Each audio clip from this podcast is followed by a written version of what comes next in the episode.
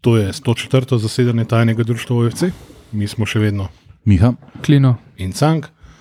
Luka je spet na tajnem zadatku v inozemstvu, um, z nami pa je ponovno uh, gost, gospod športni direktor. Uh, Miha je napisal najuspešnejšega tretjega ligaša trenutno. Um, Tine Zupan, dobrodošli in hvala, ker si z nami. Eh, Dobrodošli tudi vi v moji družbi. Hvala za vabilo. Jasno, Cenjeni gospod. Eh, glede na to, da sem tretjič tukaj, eh, se že počutim kot doma in poderam rekorde. Ne, to pač je To je res. Ja. poanta, da si vsem najboljši. Ne. Um, jaz, jaz, Če sem, lahko toliko stvari vprašamo, različni. Le. jaz, jaz sem se, um, ko sem, ko sem, ko smo se dogovarjali za to, ne, sem se spomnil, da, da Matin je v bistvu, eh, ker je športni komentator, ne, ima na tevi- televiziji tak renome, kot jaz, ne, žametni glas. eh, Športnih prenosov, tako kot jaz, ta veš, moj žametni glas je tako prepoznaven. Tako da, kako se spopadaš s tem bremenom? A žametnega glasu. Tako je. Ja, t- to je, moram reči, bolj kompleksno vprašanje, kot si ti mislil, da je. Um, A, okay. Eh, ja, dejansko je, uh, se je treba s tem malo ukvarjati. Um, jaz sem razvil eno, mogoče se sliši butast, ampak eh, metodo, ki mi dobro služi, to je, da um, dejansko vedno popoldne provam spati za uro do, do pol ure, eno uro, um, Okej. na dan, ko imam prenose. Um, Kar mi pač, recimo, temu malo mal zmehča, zmehča glasilke. Dosti je mogoče teh stvari tudi delno mentalnih, ampak če te glas ne dela, uh, pač glas, glas je na nek način tvoj denar v, v tem komentarskem poslu, in če te glas ne dela, si bistveno manj sproščen, manj samozavesten in tako naprej. Tako da je dejansko se s tem, s tem, Opa. mogoče malo bolj ukvarjati. Mogoče jaz temu posvečam malo več pozornosti, kdo drug tudi paziš, kaj ješ. In tako naprej. Tako da je kar. eh, srova jajca pa to. Pol Več delaš na tem, kar marsikaj ne športnik. V bistvu. Mislim, več To je tudi tako, kot vlagaš. pravijo, zakaj Ronaldo tako traja. ne. tako da je treba. Ej, Čak, sem, treba imeti. avgusta pride huda disrupcija v te plane. Ne? Popodanski dremaš, pol ne bo prišel pošteje, bo mogel biti dopodanski. Ne? Ko pride angliška liga, seveda. A Ja, ja, takrat je, ja, tam je malo mal kompleksne ure, ja, se, se spremenjajo, še posebej te zgodnji angliški termini. ampak 12.30, ne. Važno je, da malo, kot rečemo, sklopiš oko po kosilu, če se da. Mogoče so pa to leta, no, velika taktika, ampak Ej, um, eno z drugim. Ful sem mislil, kako je neumno vprašanje, sem res vesel, da sem vprašal. ker to je že prav, ni neumnih vprašanj, Tako, so ja, ja. samo neumni odgovori. Ne, Tako. tudi, mogoče je bilo to oboje neumno in vprašanje in odgovor. A ne, ne. tako rekla. Sem nekaj nogo zvedel, tako da definitivno ne. Jaz moram zdaj v službi polovesti, da moram začeti hoditi spat po malci. Sem Mogoče v vrtu, veš, to, kar naredijo, bi mogel, ne, ne razume socializacijo človeka, da je to dobro razvleč, pa tudi na odraslo življenje. Ne. Da, da po pisarni razpro, razprostreš ležalnike, tako, pa od enih do dveh. Jaz imam očko, ti imaš sonček, a veš, kaj so. Mi smo okay. v vrtu take nalepke, živalc gor, kjer okay, Zašli smo smo. globoko. globoko. Glavno, Nismo tukaj, da bi um, o bleščeči komentatorski karieri govorili, ne? To, kar prej četrtič. ampak um, nekako nadaljujemo temo, ki smo jo načeli, pa bomo verjetno tudi še nadaljevali v prihodnosti z uh, še enim članom grupe TNT, torej z UFET-om, um, organizacija klubov, delovanje mladinskih pogonov, pač vse, česar pač Olimpija še vedno nima. Um, gospod športni direktor, kako je to v klubu, ki nekako ne, vem, na vsakodnevni ravni se ne sooča z enakimi pritiski kot Olimpija, ampak vseeno ni, na, ni najbolj preprosto delo. Ne. Ja, mislim, mislim, da se redki klubi spopadajo pač na, na ta način kot, eh, kot Olimpija s temi stvarmi. Um, še posebej v tem pač našem prostoru, jaz uh, pač ta, bom rekel, ustroj Olimpije. Dobro poznam, ne v, v tej mogoče trenutni sestavi, ki mislim, da ga noben ne. Ampak, eh, tudi sestave ne poznamo. Bolj, tako, to sem, to sem mislil. Eh, Bolj je, bolj je fora v tem, da pač vem, kaj, kako je in v Olimpiji delati in kako je pač z njo odraščati, glede na to, da je to, je to moja, moja življenjska pot, usoda in kako hočeš eh, temu reči. Pač, da sem, Zdaj smo Ja. ja. na družbi anonimnih alkoholikov. ne. Tako, tako, Dobrodošel. na nek Živijo način, Tine. eh, Dober dan. Um, tako da ja, je pač eh, situacija vedno drugačna. Je pa pač kot bom rekel, v nekem vsakem poslu, tako da največji pritisk ti, da delaš sam. Ne. Um, zdaj, odvisen kakšen človek si, jaz uh, sem razmeroma tekmovalen človek, tako da mi um, me neko povprečje niti ne zanima. Ne. Jaz, ko sem prišel v Grosuplje, sem, sem najdel tam neko čudovito zgodbo, tudi zato me je intrigirala. Mm, ko so te ljudje stopili v stik z mano, potem pol leta, ko, ko sem imel eh, neko, bom rekel, nogometno pauzo, ki sem jo rabil po nekem obdobju, ko sem delal v Interbloku, um, sem poznal to, to grosupelsko zgodbo od, od prej, uh, ravno na podlagi tega, kakšno, kakšno sloves je imela v, v slovenskem prostoru, oziroma bom rekel, ne slovenskem še takrat, ampak na nekem širšem ljubljanskem prostoru, um, predvsem v tem, kako zelo kvalitetno se dela, se pravi, kar se tiče trenerskega, trenerskega kadra. Um, in predvsem, da je nek velik geografski potencial tam, um, ker je pač gre za, gre za občino, ki je naslonjena na Ljubljano, ampak je vendarle nekoliko, nekoliko odvaknjena od nje, občino, ki um, ima neko svojo specifično identiteto in ki pokriva tudi, bom rekel, neke ob, obmejne občine, kjer je. Uh, Ki so nogometno neposeljene, rekel. Kar, kar pomeni, seveda, da je za klub, uh, za klub doseg zelo velik, uh, doseg uh, lastnega kadra, se pravi otrok, kar je v nekem takem majhnem klubu, kjer vse bazira na, na produkciji lastnih igralcev, kar je bila vedno ideja. Um, elementarno, se pravi, da ti nek, nek določen, določeno maso, maso ustvarjaš sam. Um, tako kot sem rekel, klub. Uh, Mene je predvsem prepričala ta, ta ljudska zgodba tam, ker pač v končni fazi si odvisen od ljudi. Kako je bil klub postavljen, že ko sem jaz, jaz tja prišel, je bil pač klub nekako postavljen za, za neko relativno eksplozijo z nekimi korekcijami, dodatki, z kar je bila pač seveda tudi, tudi za kar so tudi uh, mislili, da, da, da mene rabijo. Um, takrat je klub uh, Mladinska in kadetska selekcija, ste igrali v drugi ligi, um, v 15 ekipa že v prvi ligi uh, slovenski, zahod, za, v, v zahodnem delu, članska ekipa, kot rečeno, v tretji ligi. In pa smo pač čez, v naslednji sezoni, prvi moji polni sezoni, smo postali v 15 prvaki. Um, naslednje leto smo se z mladinsko in kadetsko ekipo vrstili v prvo ligo, uh, in zdaj pač. Uh, imamo še ta nek tretji stebr tega, tega razvoja, je, je ta članska ekipa, kjer, kjer pač trenutno gre po pol leta te tretje lige kar dober. In, in to je zdaj pač naslednja, naslednja obvezna zadeva, da pridemo v drugo ligo, ker je to um, osnova, predvsem za, za razvoj igralcev, kar je v nekem takem klubu pač potrebno. In mi, In mi razmišljamo pač o tem, da dejansko ta, to drugo ligo potrebujemo zaradi lastne mladinske šole, ne zato, da bomo se mi pač s tem hvalili, okol, da smo drugo ligaš, ker pač mi, jaz, saj jaz osebno tega ne rabim. Klub, za klub je pa to neka zelo pomembna zadeva. Ne vem, če si me točno to vprašal. Um, Ne, všeč mi je, kako si na široko mogoče sem ja, se lotil tega. Ma zašel, Tudi, ja. ne, nisi zašel, ker, ker si v bistvu vmes omenil eno ključno razliko med uh, Brinjem in se, so brin, brinje, Brinjami. Uh, kako je pravilno? Tisto, ti- ti- tisto, Tisto brinje. Brinje. Torej med Brinjem in Olimpijo, ne, da Brinje pač že pred tvojim prihodom so posedovali nek v bistvu poslovni načrt ne, v končni fazi. Ja, Brinje ima neko to, zdaj ima neke pač različne fa- faze, faze razvoja. Klub je, klub je nastal na pogorišču nekdanjega kluba, ki je ne? tako GPG, kako se je imenoval, takrat je igral v drugi ligi, tudi Branko Ilič uh, je igral tam in še nekateri drugi bivši, bivši in uh, bodoči člani Olimpije.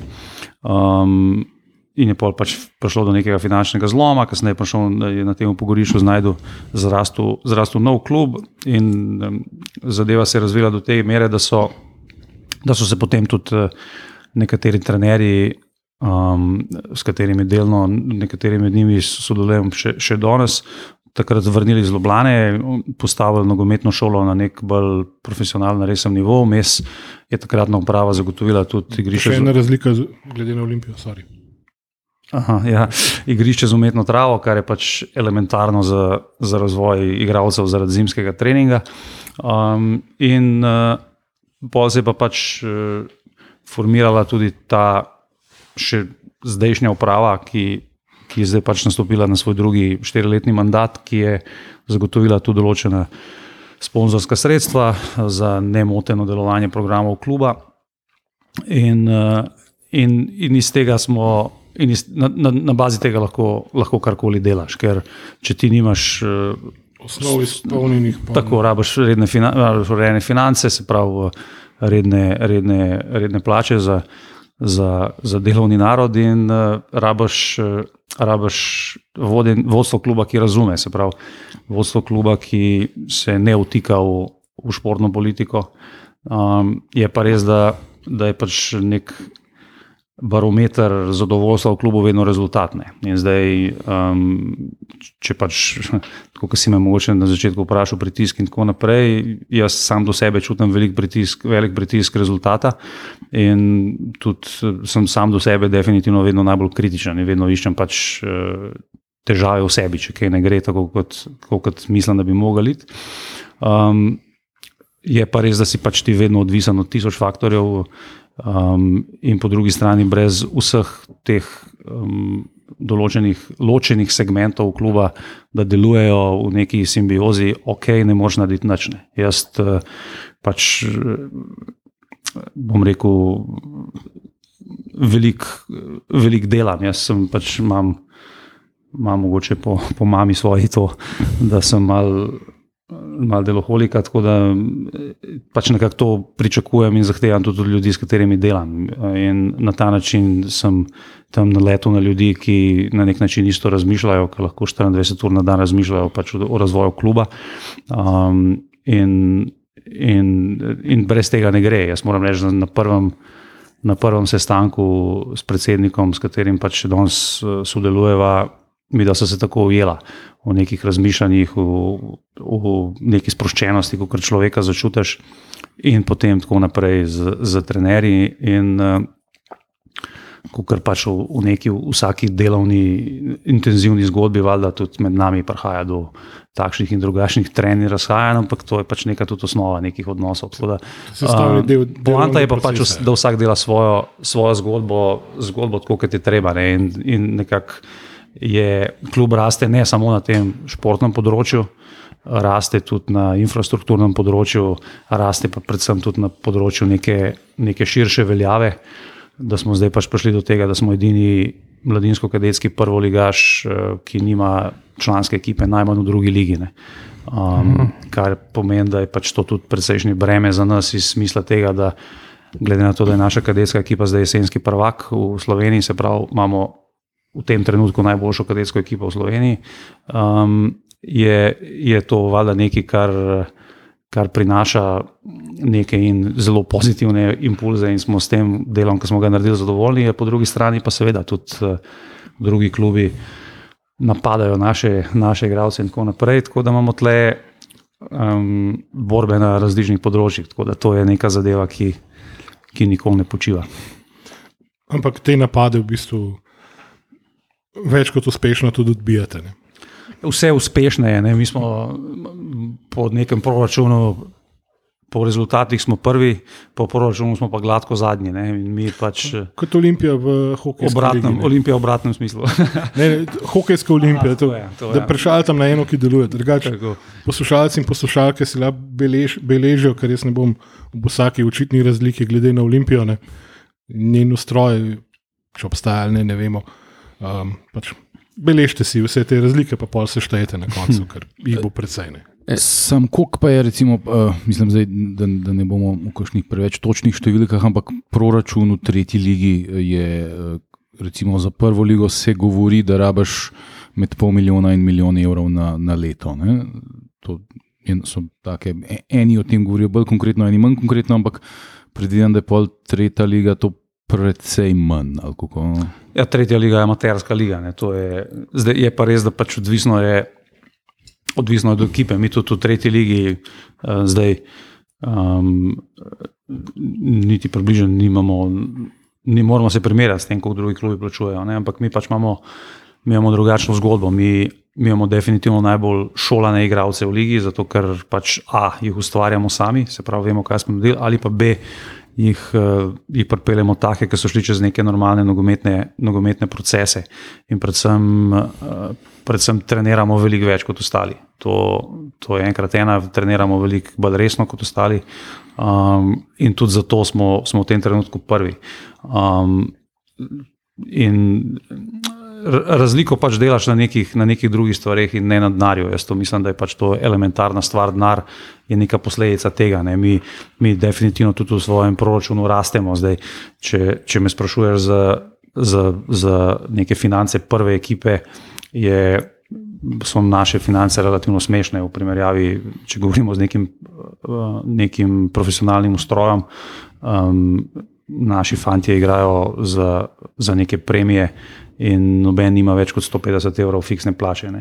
Um, ampak gre za to, da, da so to fanti, ki še vedno mislijo in verjamejo v to, da lahko v, v futbalu nekaj naredijo. Ampak v futbalu pa lahko samo to tako nekaj naredijo, da pač bodo imeli tak maksimalen proces, kot, kot ga imajo zdaj. Uh, v klubu, in, in predvsem na ta način, če delajo, lahko razmišljajo o tem, da bodo tudi, da bodo tudi delali korake, korake naprej. Ali igrali drugo ligo tukaj, ali igrali drugo ligo potem, ko bodo tukaj naredili nek razvojni korak naprej. In tako naprej. Tako da mi, recimo, če povem konkretno, mi, igralce, plačujemo samo v tekmovalnih mestih uh, v, v tretji ligi, kar pomeni, da. Zelo podobna je situacija tudi med drugoligaškimi klubi. Um, Mali je tega, da, da je kje plača futbalerjev 12 mesecev. Um, tako da mi dejansko smo zapravili, če govorimo samo o plačah igralskega kadra, brez trenerja, brez poti, brez teh drugih stvari, kot seveda hrane in tako naprej. Sodnikov. Ja, ja, in tako naprej. Vseh stroškov, pač tekmovalnih, karkoli, mi zapravimo manj kot 5 ur na mesec. Se pravi, mi smo porabili približno slabih 15 tisoč evrov za igralski kader, zdaj v prvi pol sezone, da smo prvi. Se pravi, to je, bomo rekel, na nek način smešen denar. Um, ni pa smešen za naš klub. Um, za naš klub je to še vedno treba zagotoviti, uh, zato je tle, še enkrat se vračam na to, da je tle pač elementarna, elementarna vloga ljudi, ki vodijo klub, ker jaz pač tega denarja ne prenesem. Ne. Jaz, um, jaz ga večer manj zapravljam. no, pa ti si tudi ti si pač profesionalno, ti si tudi plačan za svoje jasno, delo. Ja, jasno, jasno. In tudi pač trenerji v mladinskih kategorijah so plačani, verjetno. Vsi trenerji, ki delajo podobno plačo, ne, verjetno delajo za 300 evrov. Ne, ne, ne. tako je, da mi imamo pač vse trenerje, ki so na velikem nogometu, se pravi od 14, 15, 17, 19 članska ekipa, so vsi profesionalci, delajo samo v klubu, kar pomeni tudi, da jih moraš zagotoviti neko plačo, da, da ne menjam trenerja, ki hodi od 8 do 4 v službo, pa pride na trening, ker pač tak trener ne more um, mentalno funkcionirati, mm -hmm. kot pač mi želimo. Ne. In uh, tako da, ja, ni, ni tega. Ravno, ravno to sem hotel vprašati. Kot si, si rekel, to so elementarne zadeve. Medtem ko se, spet se vračam, seveda na Olimpijo, ne. vemo, da so tam bili. V bistvu tudi v članskem ustroju ljudje, ki so imeli drug šiht, ker so bili bodi si na klubu pač plačani mizerno, oziroma se nihče ni z njimi nikoli usedel, pa se pogovoril o teh zadevah ali kar, karkoli že ne. Je to pač spet osnova. Mislim, jaz, jaz se spomnim, jaz, eh, kot pač vi veste, mogoče vaši poslušalci malo manj. Jaz sem pač v klubu delal, Erik, ko je bil predsednik Izet Rastoder.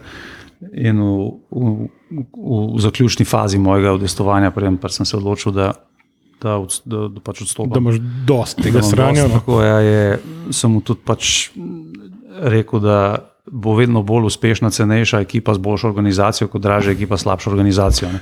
In to pač ti težko razložiš nekomu, ki ne razume.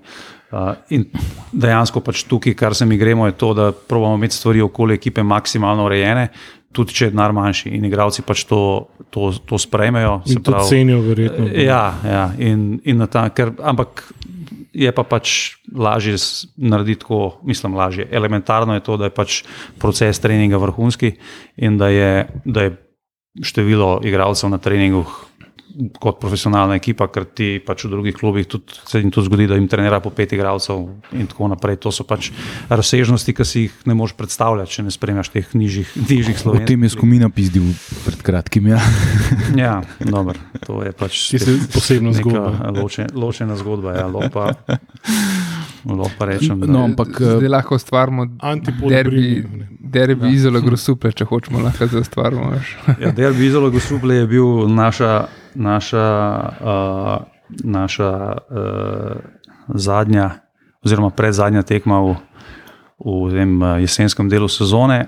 Um, tudi uh, igrala se je v, v, v Piranu na, na umetni travi pod obzidjem, s Uh. prisotnostjo tudi njihove navijaške skupine. Hm. Zmagali smo 2-0, brez da bi nam Izola resno udarila na gol, s tem, da ima Izola verjetno dvakrat, trikrat dražjo ekipo od nas. Mm, In dotični cenjeni sodnik je seveda že kličal cel kup naših igralcev, um, ampak eh, seveda se noben ni odločil za, za ponudbo. eh, In prestop v njegov veliki projekt, uh, ker pač taki ljudje ne razumejo, da ti ne moreš ne, nekega uspešnega projekta skopirati, pa ga preseliti samo v svoje okolje, pa bo to kar funkcioniralo naprej. In to marsikdo pač, pač ne razume, tudi kar se tiče našega mladinskega pogona. Ne? Uh, ker, kot sem prej rekel, denar, ki se vrti druge, pa kakšne štipendije dobijo fante, nesmiselne, že pri 15-16 letih. Uh, In potem te klubi ne razumejo, kako smo lahko mi, ki vlagamo stokrat manj kot oni, uspešnejši od njih. Um, ampak gre pač, kot sem prej rekel, za procese, ki morajo funkcionirati, in predvsem za ljudi, ki, Razumejo. ki, ki razumejo, znajo to zgodbo pelati. Ne, in ne moreš, če, če ne znaš tega narediti, narediti na silo. Ne. In predvsem pa ne moreš narediti, narediti čez noč. Ne. Ta, ta zgodba je neka zgodba, ki se je gradila in je potovala pred mano. Jaz upam, da se bo tudi pomen nekoč eh, normalno nadaljevala naprej. Um, ker moram reči, da je verjetno to neka najlepša zgodba, kar sem jo, kar sem jo doživel v futbalu, pa je bila pač, bom rekel, vedno moja neka na koncu izpolnjena velika otroška želja, da bi pač delal na Olimpiji. Ne? In to pač sem doživel in izživel. Um, imam ogromen lepih spominov, ampak to, kar smo naredili v Grosuplu, se pač s tem ne more primerjati, ker je pač je tudi moj doprinos bistveno, bistveno bolj pomemben, drugačen. In to je pač nekaj, kar, kar ti bo več pomeni. Ni vsakodnevnih bitk v bifeju, v pritličju z že prej omenjenim gospodom za vsako, v bistvu pet zemlje, če tako rečem. Ne. Da se res vsakodnevno počutiš, da si na bojišču pesmo, kar je. Veš kaj, ve- Ubija telo duha, ampak nauči, naučili pa marsikaj vse, kar smo bili v tem procesu. Ja, dejansko. Ve, večji klubi, večji denar, večji problemi. Ne, sej, eh, Ne, tako to kot otroci. Če to ne. prekleto To ime vključijo zraven. ne. Tako da se pravim, jaz eh, moram reči, da sem iz teh, iz teh stvari z Izetom zelo, zelo nekih velik, velik zadev, ogromno potegnil. Um, ker to je pač taka šola življenjska, ki jo ne moreš, eh, ne moreš razumeti, če jo ne doživiš. Tako da eh, jaz, eh, jaz moram reči, da smo imeli mi tudi zelo, zelo lepe čase eh, z bivšim predsednikom in tako naprej, kot seveda tudi eh, zelo težke mentalno. Ampak eh, niso, niso pa te, verjemite mi, zgodbe neč drugačne, kot jih je doživljal folk, ki je delo za Joca Pečečnika, ki ima bistveno bolj pozitiven PR v javnosti, ampak No, no, realnost je pa. Ima PR-no, tako bomo rekli. Ja, realnost je pa pač čisto drugačna. Oziroma, kot se je pač delo takrat PR za, za zdaj, pred kratkim, bivšega predsednika Olimpije.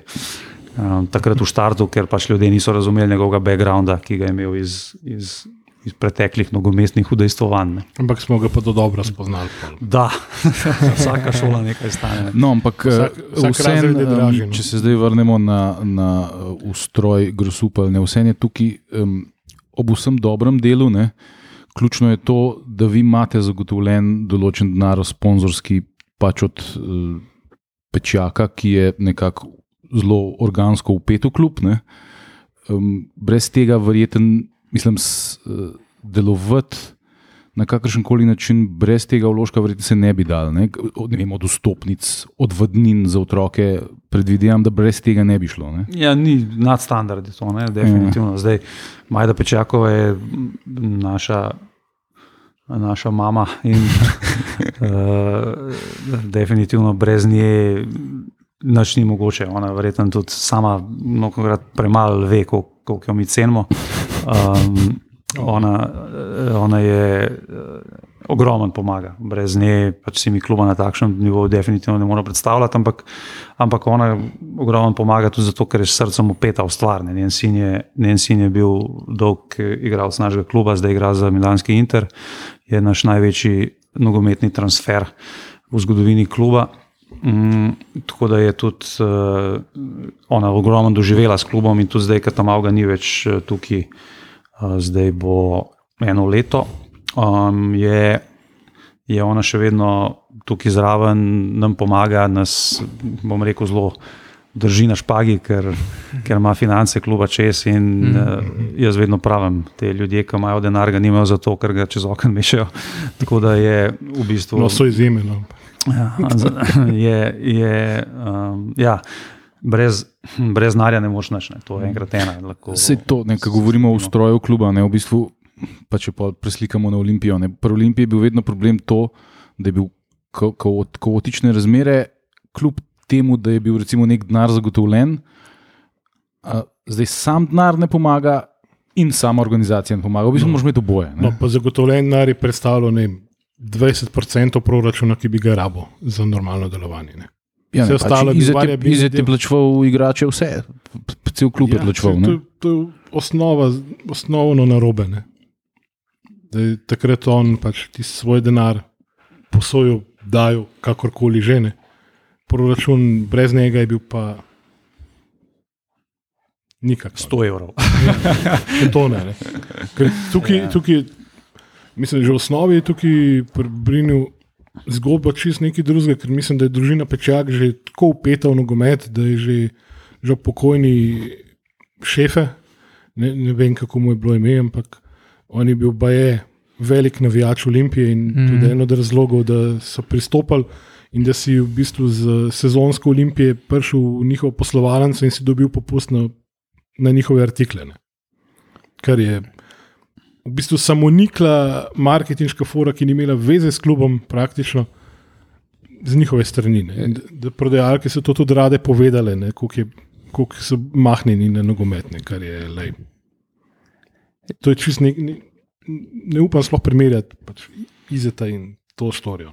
Spodob se, da najdemo ime Stanislav. Je bil. Super. Um, tako da jaz sem imel tudi izkušnjo, ja, ker sem pač, eh, ko sem delal um, na eni firmi, je bilo bliz, bliz pekarna, uh, pač njihova poslovalnica. smo jim reklame danes. ne Ja, lej, sej, Ampak se se pravi, ja. si zaslužil. Tako da, um, mislim, dobre zgodbe ne zmeri. Lej, pa, sorry, sem, Ja. Vmes, da ti skočim. Pa vsaj en primer, ki se tokrat sprašujem, ne, kdo so tisti, mislim, kje so tisti, ki pač vlagajo nazaj v domače okolje, tralalane. Evo, ja. primer. Ne. No, ampak eh, ja, jaz sem šel recimo sezonsko, ne. Uh, Baje, da imam popust, a ne, 10 postov s tem. Pa Ponovadi, je tako si nekam prišel, kaj imaš? S čim, kam imaš to?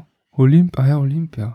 Pa so mogoče klicali kam, ne? ampak ne, tukaj so takoj vedeli. Ne? In je ena, ena, ena prodajalka nič izvedela, pa ta druga rekla: Ah, veš kaj je to naš stanči. Mislim, da je prav tako ljubkovalno rekla, da to, on je čist nor na to. Ja, ja, 10, včasih sem dobil kar 20 postov. Koliko je 20, a ne? Ne, ne, 10, a zdaj sem že naredila račun. tako da le, fejst no so res, tako da ja, lepo pohvala. Um, Ja, da Majda je pač nek elementaren del te, te neke cele križanke. Um, ni pa edini, ne, Saj tako, Mm. kot sem rekel. Um, jaz sem pač dejansko pač prvi, prvi stik imel, imel s predsednikom Andražom Zrnicom. On je, on je neka neverjetno topla, tolerantna in, uh, in um, razgledana oseba. Poslušalci, ja. pišite. In eh, moram reči, da, da nisem, nisem še, mi dva, bom rekel, imamo tako nek nevrjetno friendly odnos, nikakor ne odnos eh, direktorja in predsednika. Um, kar je mogoče, bom rekel, prednost nekih manjših klubov, ali pa je to pač mogoče samo prednost dotično našega kluba. Um, in tako kot sem pa prej rekel, elementarno je, da te ljudje, seveda, zelo jih zanima, radi se informirajo, radi se pogovarjajo, tudi uh, probamo jih seveda čim bolj sprotno obveščati o tem, kaj počnejo in o tem procesih, ampak v končni fazi um, se ne vtikajo v nobene naše odločitve. Se pravi, um, denar, ki ga potrebujemo, ga dobimo, več ali manj, kakorkoli se moramo, valjda, za vsak evro malo mal kregati in, in, in prepričovati, in zakaj, kako levo, desno, kar jaz mislim, da je prav, ker uh, nikakor ne smeš ogrožati. Ogrožati neke, neke finančne prihodnosti kluba. Um, tako da imamo neko, neko medsebojno zaupanje, ki mislim, da, da je pač elementarno, če hočeš nekaj narediti. Je pa druga, druga stvar ta, da je tudi, bom rekel, neka taka podobna klima v, v trenerski strukturi. Ne. In uh, kar se tega tiče, jaz nisem videl, pa sem pač poznam relativno delovanje teh, predvsem ljubljanskih mladinskih pogonov. Dobro, Olimpijega daleč najdel, ker sem jaz to začel olimpijske mladince in kadete spremljati še v prejšnjem, prejšnji pravni ureditvi.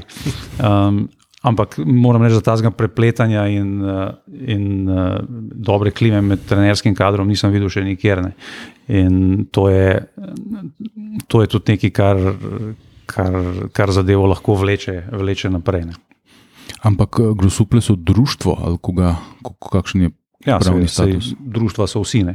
No, vse to, ampak ja. ni zraven ali manj še del od koga. Ne, ne, to je pač del, jaz mislim, samo če imaš ti profesionalno, ja, ja, ja. profesionalno člansko ekipo. Zdaj, če se bomo mi na, na nek, neki dolgoročni fazi, kar se tega šli, tiče, šli lahko v biznis, eh, ali bo to kdaj mogoče, ne vem. Eh, pol je to verjetno neka, neka smiselna mm. oblika in oblika, ki je nekako danes najbolj uporabljena. Ti konkretno pol dobiš denar od društva.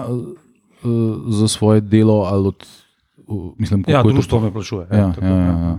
Sprav, tudi vsi, uh, mladinski pogon je pa ločen od ne, tega društva, to, vse ali vse skupaj. Ja, Ni ločen. Ne, ne, ne. Sprav, igravci so pa recimo vsi člani društva. Tako, tako. Ja, ja. Sprav, to je ta old school oblika, ja, ja, ja. Ki, ki je pri nas v bistvu v prvi ligi praktično noben noben več nima, vsaj ne v tej najčistejši obliki. Ne, ker je plačevanje plače lažje. Ja, v članskih ekipah uh, več manj po moje ne. Ja. Ja, ja. Ker, ja, ker ne moreš. Uh, mislim, nisem pa prepričan, zdaj, kako imajo ljudi, kako imajo rado. Ja. Mislim, da oni teh firm nimajo. No. Mm. Ampak nisem pa zdaj 100%. Ampak ja, več ja. ali manj te večji klubi imajo to to, to ločeno. Mislim. V tretji ligi igra en profesionalni nogometaš, kot sem jaz slišal od našega strokovnjaka Timija Dobovška in sicer um, tale Mensa Arafat, ki je včasih igral na Bravo. Ja, sam to. Igra pa Slovano. Slovani nogometaš na papirju. Ne? Ja, ja, ampak mislim, na, na spisku je ne, kot profesionalno pogodbo. Tako je. V primeru transferja. Nima veze s profesionalnim nogometašem, per se. kot, pač ti, kot tujec v Sloveniji, moraš imeti profesionalno pogodbo. Zdaj, jaz ne bom zdaj govoril o drugih klubih, ampak Mnogokrat se zgodi, da se profesionalna pogodba podpiše na ta način, da pač dejansko plačila se ne izvajajo, ne? ker je pač tudi nek dogovor s kakšnimi aneksi in tako naprej. Tako da ni, mm -hmm. zagotavljam, da ni niti enega profesionalnega nogometaša v tretji slovenski ligi. Um, že v drugih jih je bilo malo, ja. še 50 postov, če pa sem verjetno zelo velik rekel. Ja, glede na to, da že v prvi ligi so kakšni klubi pol pol. pol... Ja, zdaj niti ne več, po mojem. Če, če bi gledal vne, že, že klubi ali radom le imajo po 15 do 20 profesionalnih pogodb. Mhm. Um, kar je, kot je prej Miha rekel, je 500 do milijon tega nekega proračuna, ti lahko narediš neko zelo.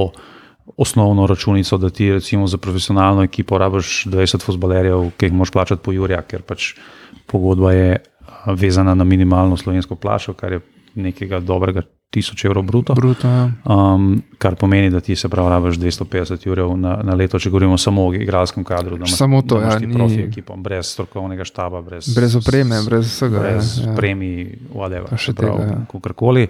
In to je nekaj, recimo, čisti minimum. Jaz sem pa prej rekel, mi pa pač smo porabili 15 ur.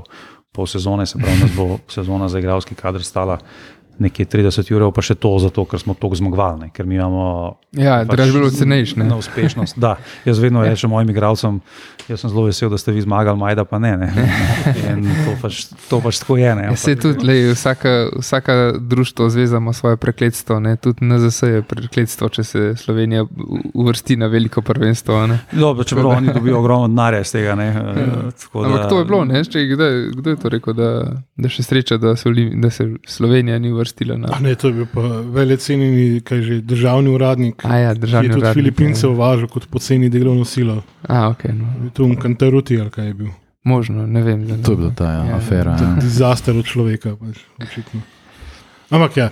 Um, Uh, ja, zdaj. Um, a je sploh možno, recimo, uh, mislim, glede na to, da, da je pač tle gre za pač nek preplet človeških odnosov in, um, in, in dela in pač nekih ug, ug, ugodnih pogojev, verjeten, v bistvu, tako kot si prej rekel. Dejansko pr, ne moreš preslikati neke zgodbe iz nekje nekam drugam, ne? ker gre pa razen če vzameš čisto vse ljudi, pa jih prisiliš, ne? kar pa je spet pač absurd, ne? razen ne vem, v NBA mogoče. Uh, tako da v bistvu ni dejansko recepta. Ne? Zdaj, če, če, če damo primer iz, iz mogoče tega najvišjega uh, elitnega futbola, je mogoče najbližja preslikava tega, kar je naredil Manchester City z tem Čikim Begiri, stajnim športnim direktorom, ki je pač z Gordiolo sodeloval že pri Barceloni. Oni so pripeljali njega in tega generalnega direktora Serana dve leti, ali koliko preden so pripeljali Pepa. In se pravi, to je neka, neka njihova ključna, ključna struktura, ki je prenesla ogromno nekih, nekih verjetnih stvari in nek modus operandi iz tam. Um, je pa seveda tudi tam, sta pa se zgodile dve stvari. Ena stvar je, da, da je tam pač tudi lastniška struktura zelo mirna in uh, pusti športni del, da, da funkcionira, in po drugi strani pač ta športni del tudi eh, proizvaja rezultate. Ne? In mm. zdaj brez tega itak ne gre. Ne? Sej mene tudi ne bo noben gledal, če bom, če bom izpadel iz lige in pač nam bo, mi bo, bo vse igralce prodali, zakaj bi nekdo, nekdo mene plačeval. Um, za to ti se pač moraš dokazati z rezultati. In, um, zdaj, če, če me sprašuješ o tem, na kakšen način bi se ta, to lahko preslikalo v Olimpijo, jaz mislim, da pač rabaš ravno to. Rabaš um, nekoga, ki verjame v delo nekih športnih funkcionarjev, da, da bodo to naredili, se pravi, nekoga, ki zagotavlja denar. In, in, na, in na ta način potem lahko, lahko ta športni del sploh ima podlago, da, da neke zadeve izvede. Um, je pa seveda funkcioniranje nekega tazga kluba naslonjeno na neke čist drugačne procese, kot recimo profesionalni klub, če govorimo o prvi ekipi, um, kot je Olimpija, um, kjer je seveda tudi v končni fazi, tudi če bi imeli tle večji denar, bi se zagotovo zadeve šli še, še na drugačen način. Ne. Se pravi, delali bi verjetno ve- veliko širši scouting, delali bi um, tudi neko bolj na drug način rigorozno selekcijo igralcev v, v prvi ekipi in tako naprej. Um, tako da je, jaz mislim, da je tle pač. Elementarno to, da ti karkoli delaš, res verjameš v svojo idejo. Ne? Ker enkrat je dobro rekel Diego Simeone, ko so ga sprašvali um, o tej njegovi značilno rigorozni, negledljivi igri, je rekel, nogomet je tako lep, zato ker do uspeha vodijo različne potine. In pač nekateri klubi nimajo te ideje produkcije las- lastnih igralcev, nimajo, um, nimajo ideje, da je treba. um, Da je treba uh, iz, izvajati ta razvoj igralcev, mladih, jih jim ponuditi priložnost v, v nekem članskem nogometu, uh, in tako naprej. In v končni fazi s tem ni nič narobe. Sej, uh, seveda, zdaj nekdo ima lahko ekipo 27-letnikov in je super uspešna. Ne. Zdaj za nas model to absolutno ne pije vode. Ne. Mi imamo pač najmlajšo ekipo v ligi. Tretji, um, kot sem rekel, imamo tudi, uh, verjetno, nismo niti med prvih pet po financah, ampak je verjetno le ključno to, da mi res verjamemo v to, kar delamo. Ne. Ker imamo, ker imamo tako avtonomno, avtonomno športno politiko, da to lahko normalno izvajamo. Zdaj, če, če pač nekdo v to, kar ti delaš, nekdo, ki daje cache, v to ne verjame, pa tudi ti to boš težko delovne. In je pa seveda, kot sem že desetkrat rekel, ob tem zelo nujno, da imaš ti rezultat, ne? ker pač. Uh, rezultat je pa predpogoj, da, da lahko uh, loh ta tvoja, tvoja ideologija, filozofija, fusbala pije vodo. Ne. To je zelo nujno in nujno zelo. Ja, in neka variabila, ki jo je težko zagotoviti. Ja, in prenesti v neko biznis logiko. Ne. Ja, ampak sej, glih tlene, ta rezultat, ki je pri Olimpiji v bistvu ekstremno važen, uh, ker pač Olimpija ima ta pritisk rezultata vedno. Um, Vsem, če bi eh, recimo, se zadeva zastavila tako na nek recimo, organski in kako tok. Eh, Prosim, ne, ne v kontekstu Olimpije, besedo organski uporabljati.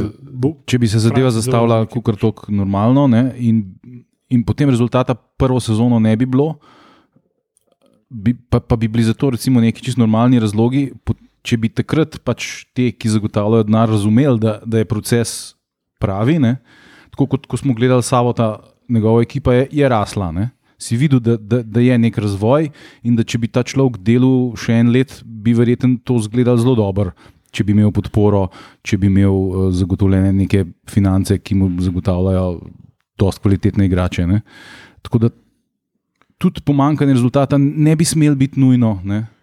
za, za, da se vse menja. Tukaj je še vse zaledje, ki mora pač klapati. Ne.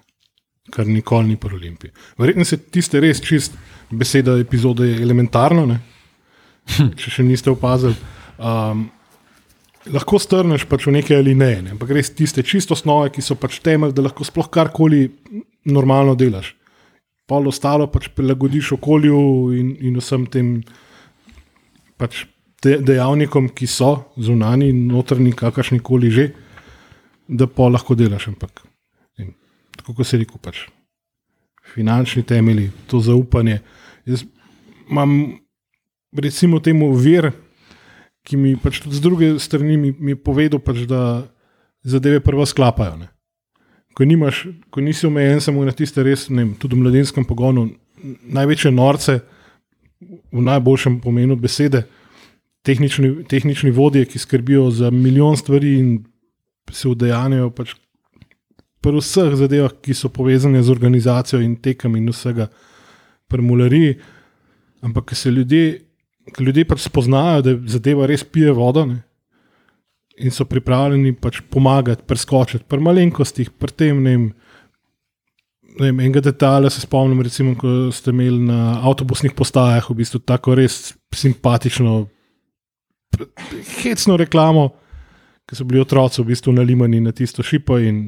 Čakajo na bus. Ja. Tako ne. Tak, take malenkosti, pola, veš, ko vidiš, da folk čuti ja, in, zgodbo. In, in to so tudi stvari, ki govorim, da nima veze z mano. Ne, da, pač, da so to stvari, ki je pomembno, da imaš ti nek širok spektr ljudi v klubu, ki furajo neke segmente. Um, jaz sem tudi mogoče iz, iz svojega nekega osebnega vidika v, v preteklosti hotel v, v bivših nekih svojih klubskih zadevah hotel stvari vzemati na sebe, ki ti mogoče vzemajo preveč časa in fokusa in energije. Ne. In na nek način tega tle nikako nisem mogel početi in sem, mislim, nisem hotel. In sem tudi pač videl, da sem lahko tako bistveno uspešnejši, ne? ker lahko razmišljam samo o tem segmentu, za katerega pač sam mislim, da, da imam največ, največ kompetenc in talenta um, ker me pač tudi to najbolj vedno, vedno zanima. Se pravi, sama selekcija igralcev, igra, iskanje igralcev, sestavljanje ekip. In, uh, in jaz se pač ne želim ukvarjati s PR-jem, s čimer sem se ukvarjal v, v štartu pri, pri Olimpiji.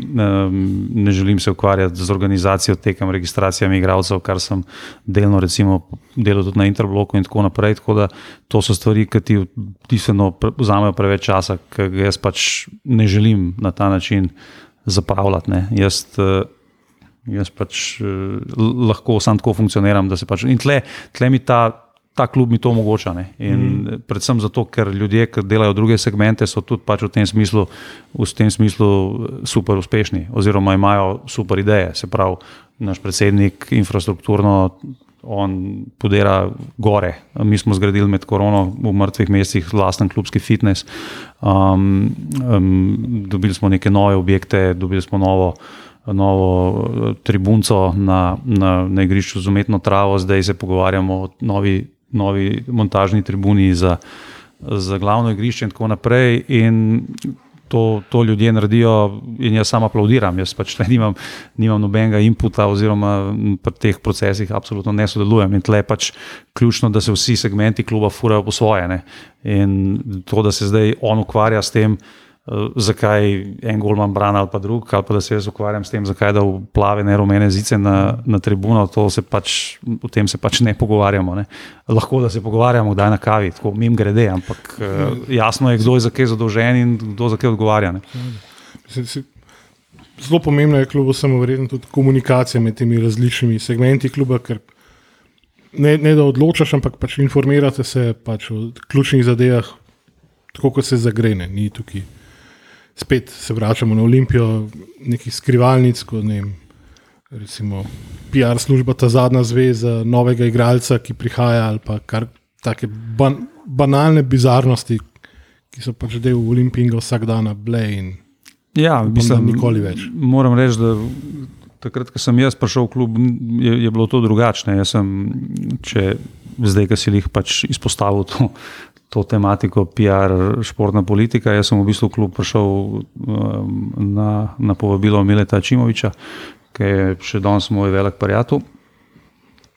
In tudi je bil on praktično edini razlog, da sem takrat prišel v klub, ker sem imel pač že prej možnosti, da bi, da bi prišel, pa, pa mi zadeva ni dišala. Um, In tudi na podlagi tega, kaj smo se mi da z Miletom, pa takrat je bil tudi Sanjak Konjevič kot, kot direktor nek del tega našega mm. funkcionalnega trikotnika.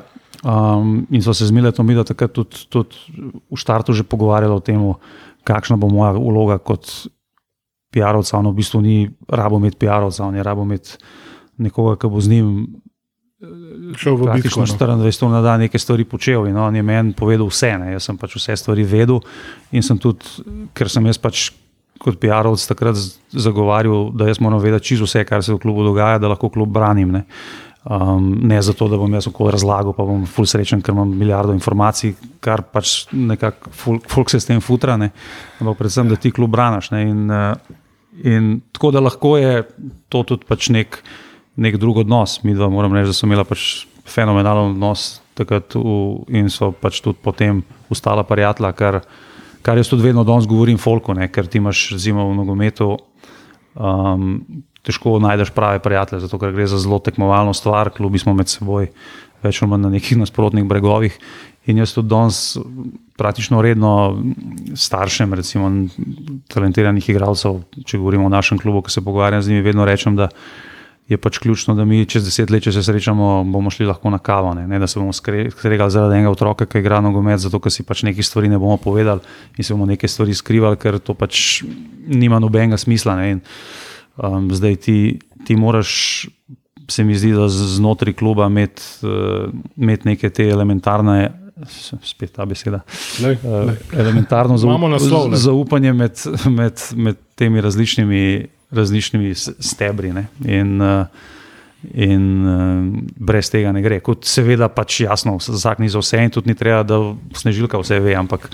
Uh, ali pa hišnik, uh, ali pa ekonom. Ampak, uh, ne, ampak normalno je, da kdo mora vse vedeti, pa komu, komu je treba pač informacije dozirati do, do neke mere pomembnosti. Ne. Jaz, recimo, jaz in Goran Markovič, ki je pač vodja naših uh, trenerjev in članov članske in mladinske ekipe, Um, mi dva imamo pač, jaz imam z njo komunikacijo ne nehno. Um, to, to je še en človek, ki živi nogometno. ja, živi in umira. Um, moram reči, da jaz to fascinantne osebe v futbalu še nisem srečal. Um, Slovenski Bielsa. In uh, to, to moš doživeti njega, če, če ga želiš razumeti.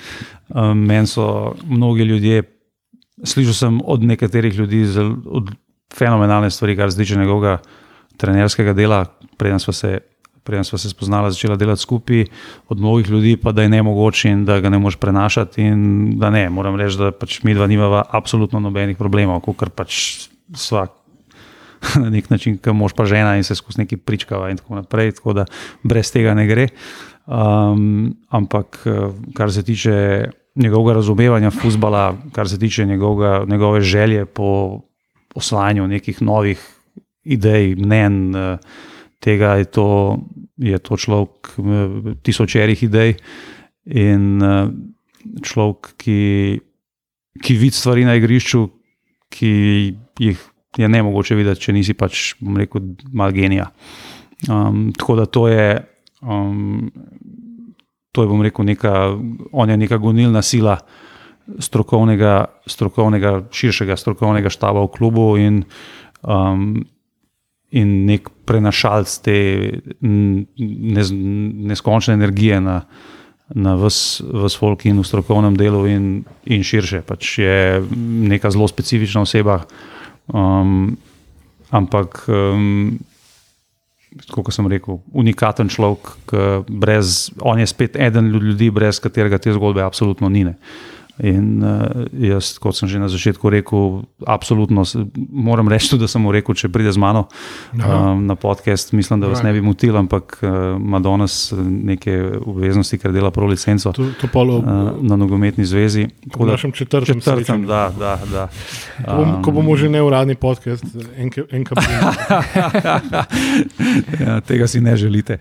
Um, ne, se sem rekel, neuradni. Ja, se pravi, tle so neke, neke stvari v klubu, brez, neke ljudje v klubu, brez, brez, katerih, brez katerih absolutno ne gre in brez katerih pač ta klub eh, ne more biti isti v končni fazi, tako kot bom rekel v moji zgodbi o Olimpiji, klub ni mogel biti čisti, ko so postopno. Odhajajo ljudje, s katerimi smo dejansko pač zgodbo takrat začeli. Ne. Takrat se je zgodba zaključila, ko si ti dokončno rekel, da imaš dost, ker pole, pole bilo razsulo. Mislim, se že prej, Rasul je bil naš vsak dan, ampak ti, spol, ti so bili pa naj, najtežjega pol leta ja. v Life, ampak ogromno lekcij, še več kot prej. Kaj pa navijaška baza, grusupel? Kako so obiskane te tekme, kako recimo regija ali pa mesto živi s tem klubom? Tako je, ne? zdaj klub je dejansko, bom rekel, prerasel vse svoje okvire znotraj, znotraj mesta, če ga primerjamo z drugimi športnimi društvi. Se pravi, včasih je Grusuple so imele neko relativno ok. Ko, košarkarsko ekipo. Ja. Košarkarsko ekipo, tudi ženski basket, rokomet in tako naprej. Um, zdaj je pač klub vse požrl um, ker je to zrastel, ker ima pač tudi neke infrastrukturne kapacitete, ne zadoščajo želji po upisu otrok. Mi imamo pač, z, z, bom rekel, ljubljanski klubi se ne morejo primerjati z Brinjem, uh, če izuzamemo Olimpijo z Enažbe, ki je pač v svojem mahurčku, ne morejo se niti približno primerjati z neko maso, ki jo mi v spodnji imamo.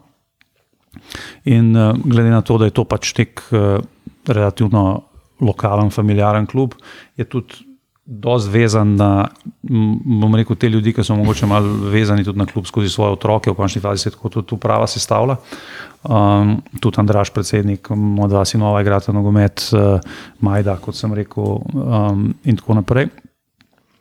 Um, tako da je, bom rekel, odnos okolja ok.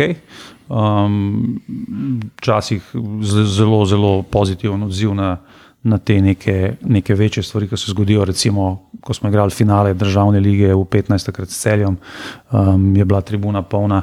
Um, pred kratkim, dokler je bil vreme lep, smo igrali v mladinski ligi, eh, kadetski doma z Mariborom, je bilo, je bilo veliko ljudi. Tako da uh, se nabere zdaj na, na kakšnih članskih tekmah, uh, je, je, je kar zanimivo, se, se zbere nekaj folka. Um, ampak to je vse, bom rekel, neka relativno, relativno počasna raz. Zato pa tudi um, imamo mi. Neko interno željo, da pravimo imeti ekipo čim bolj grosupelsko. Um, in, in to ti nekako tudi pomaga, vsaj po mojem mnenju, do nekega odziva uh, odziva okolja. Ne? In eh, tle, tle smo, kar se tega tiče, relativno uspešni. Se pravi, imamo veliko uh, lastnih igralcev, um, ki so prav grozupelčani ali ste bližnje okoliščine, ki igrajo v, v članski ekipi. Kar seveda pripele njihove prijatelje, njihove brate, sestre, ljubice na, na tekmo, in je, in je to lažje. Tako, tako se nekako ta interno neki baza širi, malo eksterno, in, in se tako nabere. Je pa, jaz mislim, da eh, višji kot je nivo tekmovanja, je, je ta zadeva bolj, bolj interesantna tudi za, um, tudi za mogoče neke, nek širši auditorij. Ne. Se pravi, grosuple nimajo prvoligašov v različnih ekipnih športih. Nikjer, sploh, ja. ne, ne, nikjer. Tudi, tudi št- številke, številke, kot sem rekel, otrok v, Mm. v Brinju ali pa ostalih, ostalih uh, društvih v, v mestu, to je pač neprimerljivo. Ne. Uh, ta klub je prerastel absolutno vse. Um, ima, ima ogromno nekih aktivnosti, ki so neopazne, mogoče na, na nekem širšem spektru, ampak klub ima pod sabo ogromen osnovnih šol v okolišu, kjer izvaja svoje nogometne programe. Recimo, zanimivo, recimo tudi ena izmed nogometnih, mislim iz, iz tega nogometnega krožka, ki je tudi na osnovni šoli na Škofalci, kjer je en moj dober prijatelj iz novinarskih krogov. Um, imel otroka, pa on je iz, iz, iz basket krogov, um, imel, imel svojega tomaga, mislim, ga v, v, v, v otroško šolo košarke in pol istočasno tam šel malo na fuzbol pogledati in je bilo na nogometu toliko boljš, da se mu je izpisal z košarke in ga zdaj mora obrinje, zdaj že obada obrinje v fuzbol. Um, se pravi, tle je ta grassroots fuzbol, kot temu rečemo, se pravi, to so te otroške, otroške selekcije, je, je še en, bom rekel, stebr, ki ga ne moreš pregledati v, v smislu v smislu gradnje tazga kluba. In zdaj, tako, če malo na pamet rečem, mesto ima tam nekje 7-8 tisoč prebivalcev, um, občina nekje 20 jurjev. Ne. Se pravi, to je za, za nek tak klub kar lepa baza za, za delati z njo. Ne. Ker na takem področju, ki ga mi geografsko obvladujemo, kot sem rekel, v Ljubljani to ne moš najti.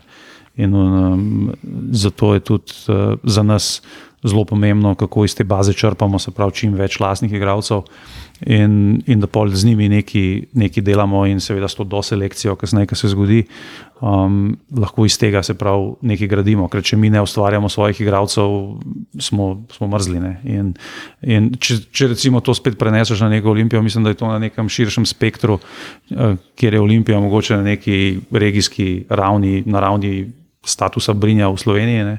Um, je tudi, mislim, da je to pač neka, neka elementarna stvar za nek, nek slovenski klub, da ima neko to lastno produkcijo, ki mu prinaša verjetno tudi neko pomembno identiteto. Ne. Ampak še enkrat, ne, to je ideja, v katero moš ti verjeti. Če delaš, ne moreš se ti samo odločiti, pa reči, da Salzburg to dobro dela, Ajax to dobro dela, bomo še mi, kako se bomo pa zdaj tega lotili. Če ti pač nimaš vizije, kva ti hočeš. Ne. Jaz uh, si ogledam za vikende neomejeno število banalnih tekem, ki se verjetno vi tri sploh ne morete predstavljati, da se, da se odvijajo, da najdem, da najdem igralce, ki imajo potencial, da jih pol, moji trenerji lahko razvijajo.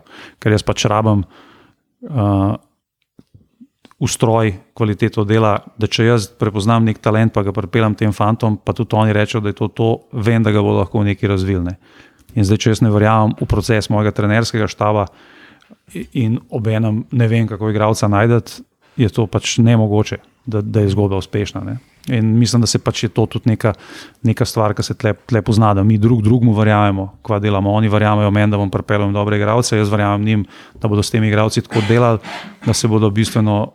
Bistveno boš počutil. Ne. Banalen primer bom rekel, zdaj smo dobili enega fanta, ki je prišel z Olimpije um, in je rekel, da po treh treningih je tle petkrat boljš kot v Olimpiji. In, uh, Star, starši, ki imate otroke, tako dela, odnosov in tako naprej. In, in na tem pač, na tem pač baziramo, mi moramo biti drugačni. Mm. Če mi v nekih teh stvareh nismo boljši, se mi s temi klubi, ki imajo denar, ne moramo primerjati. Denar imajo pa v primerjavi z nami vsi. Če govorimo o, o mladinski kadetski konkurenci, pač klubi brez vizije, ker ho, hočejo samo grabati igralce, našim nogometašem, mladim ponujajo neverjetne cifre. Ampak se oni zdaj ne odločajo za te stvari, zato ker verjamejo v to, da je tač, pač naša razvojna pot prava. Ne? In še enkrat se vračam na to, te ljudje ne razumejo, da ti ne moreš sam pobrati naših igralcev in prenesti v svoj, v svoj sistem, ker oni tam nikakor ne bodo izgledali tako, kot izgledajo pri nas. Zato, ker mi vemo, um, na kakšen način mi jih razvijamo in do kje pripeljemo. Recimo, če se vrnem na, na, na to neko našo najbolj sveže, uspešno zgodbo, se pravi naslov jesenskega prvaka v kadetski konkurenci, ki se mogoče nekemu širšemu auditoriju zdi smešno, ampak to je, to je za nek klub kot je Brinje, ki je zaenkrat igral eno leto, če gledamo, da je bilo lani praktično samo pol sezone zaradi korone v prvi ligi, je to nek, nek nevreten dosežek. Um, mi imamo v tej, v tej, se pravi, gre za dva letnika, fantov, leta 2005 in leta 2006, mi imamo v tem letniku um, šest slovenskih reprezentantov. Um, ampak to so fanti, ki so vsi bili ustrojeni v klubu, se pravi, niso bili oni reprezentanti neki drugi, kot drugi klubi delajo in ga pol kupaš in se ti hvališ, da imaš reprezentante. Ne. Domžale, recimo. Ja, pa bravo, um, če smo kar direktni. Uh, ampak gre za to, da smo mi pač. Če govorimo v štirih fantih letnika 2005, en je prišel pri pr 13 letih iz Nakašmartno, to je nek mehen ljubljanski klub, kam mogoče pol po vaših poslušalcev niti ne ve, da obstaja, kjer je recimo kariero začel tudi Draž Kiram ali pa Milivoje Novakovič. Če se ne motim. To je eden izmed njih. Eden je prišel pri 12 letih iz Ivančne Gorice, eden je prišel pri 14 letih iz Slovana, um, eden je pa od 8 leta v Brinju. Se pravi, to so štiri fante, ki so bili in poskotirani, pripeljani na to zgodbo tle in tukaj razviti do tega, da so, da so to dva reprezentanta letnika 2006 tle iz širšega okolja Grosupla. Se pravi, to so vse naši fanti. E, niso, ne delamo mi tako ekipe, da pač napademo najboljše, ki igrajo za druge klube, jih pripeljemo vse, pa se pa točemo po prsih, da so, da so, to, da so to naši igravci. In, e, in tudi recimo, to, to selekcijo smo doselekcionirali do te mere, da je en fant prišel uh, iz Interbloka, govorim zdaj o tej kadetski ekipi, ki je prva en fant je prišel iz Interbloka, se pravi, lani je branil v drugi ligi Golman, dva sta prišla z doba, ki sta nekoč igrala za domžale, pa so jih poslali kot vhodna letnika, kalice v drugo ligo, pa niso tam prepoznali pač tega, da sta mogoče prvoligaška igralca. Um, eden je prišel kot 25 igralec Olimpije, kadetske selekcije, pa pri nas non-stop igra, pa ima Olimpija ne, ne 15 točk manj manj, manj kot mi, in drug je pa še en 06-letnik, ki je isto prišel iz Olimpije, ki tam ni bil, ni bil na mapi in smo pač mi nekaj drugačnega videli v njem. Tako da ne gre za to, da ti um, pobereš nekaj najboljšega, kar je druge, ampak gre za to, da ti vidiš nekaj v nekomu, kar drugi ne vidijo. Uh, in to mislim, da je pač. Uh, Da je, to, da je to neka naša prednost, da znamo nek potencial odkriti in da ga znamo razviti. In zato je težko to našo zgodbo kar nekam prenesti, pa bo zdaj to kar funkcioniralo. Ja, moraš pač, kot se reče, prej prenesti vse, najbolj še stadion. Um, in, ne, in pa, to, pa tudi rezultat, prvo mesto je pač super dosežek, ni bil pa verjetno nikoli imperativne. In ne, pa tudi. Prišlo do tega kot posledica pač delane. Spontano, ja, na nek način. Mi smo sicer že polet vedeli, da imamo dobro ekipo. Um, ampak nismo bili tudi, tudi s tem nikakor obremenjeni. Mi smo, mi smo, recimo, tudi zdaj v zadnjih, v zadnjih tekmah, smo, um, smo enega svojih najbolj perspektivnih kadetov že dali, da je za mladince. Čeprav pač je on elementaren, ključen igralec uh, kadetske ekipe, njen, njen prvi napadalec, prav res igralec, brez katerega je ekipa bistveno, bistveno slabša, oziroma pač veliki pomen. In smo ga dali gor, zato ker pač se ne obremenjujemo s tem, s tem kadetskim rezultatom, ker v končni fazi vedno pravimo, kdo je bil dve leti nazaj kadetski prvak, noben ne ve. Ne. Um, ampak, uh, ampak ja, mogoče te jih ta neobremenjenost na koncu do tega pripele. Sej ni zdaj poanta, da bomo mi prvaki. Jaz mislim, da si fanti, ki igrajo za to ekipo, želijo bolj biti prvaki, kot jaz. Um, Vse je logično, se zato jih tudi imaš, si jih pripeljal v klub, oziroma kdorkoli jih je, ker hoče zmagati. Ne? Pa ja, mislim, to, ne, mislim da je pač, ja, ključno, da imaš ambicije. Um, in... no, ampak vi v bistvu nimate ambicij po prodaji teh igralcev, ampak po uporabi za prvo ekipo. Pa gre kako? za mešanico, bom, ja. bom rekel, obeh, obeh segmentov. Mi, mi, Mislim, brez profesionalnih povodov jih ti sploh lahko prodaš. Lahko, seveda. Ja. Aha, lahko mulce. Mi smo recimo tudi zlan imeli, poleg samota um, Majdinga, Majdinga sina, um, ki je šel najprej poleti v spal, pa potem, oh, po zimi v spal, pa poleti, poleti v Inter.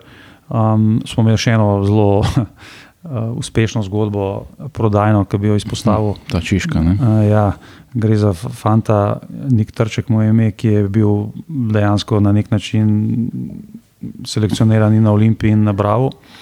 oziroma pač ni, niso v njem videli igralca za, za nekaj več. Jaz sem z očetom pač v nekih dobrih odnosih, se, se dolgo poznava. Um, je takrat prišel še kot kadet uh, igrati drugo ligo. Mi smo bili sicer prvi na pol sezone za 20 točk, pa se druga polovica sezone niti ni igrala, smo, smo pa šli, šli gor. Pa pol sezone, ampak on je prišel takrat, da bi kao igral to drugo ligo, šel z nami gor, potem je igral pač prvo mladinsko ligo v Brinju in slučajno se je odprla neka situacija prek, eh, prek eh, nekih vez, da, da smo lahko enega fanta poslali na, na Češko v, v klub Karvina, ki je češki prvo ligaš na meji s Polsko. Um, in smo dali tega neka fanta zraven za, za spremstvo, ker jaz vedno rečem, da ne bi enega samega pošiljal. Ja.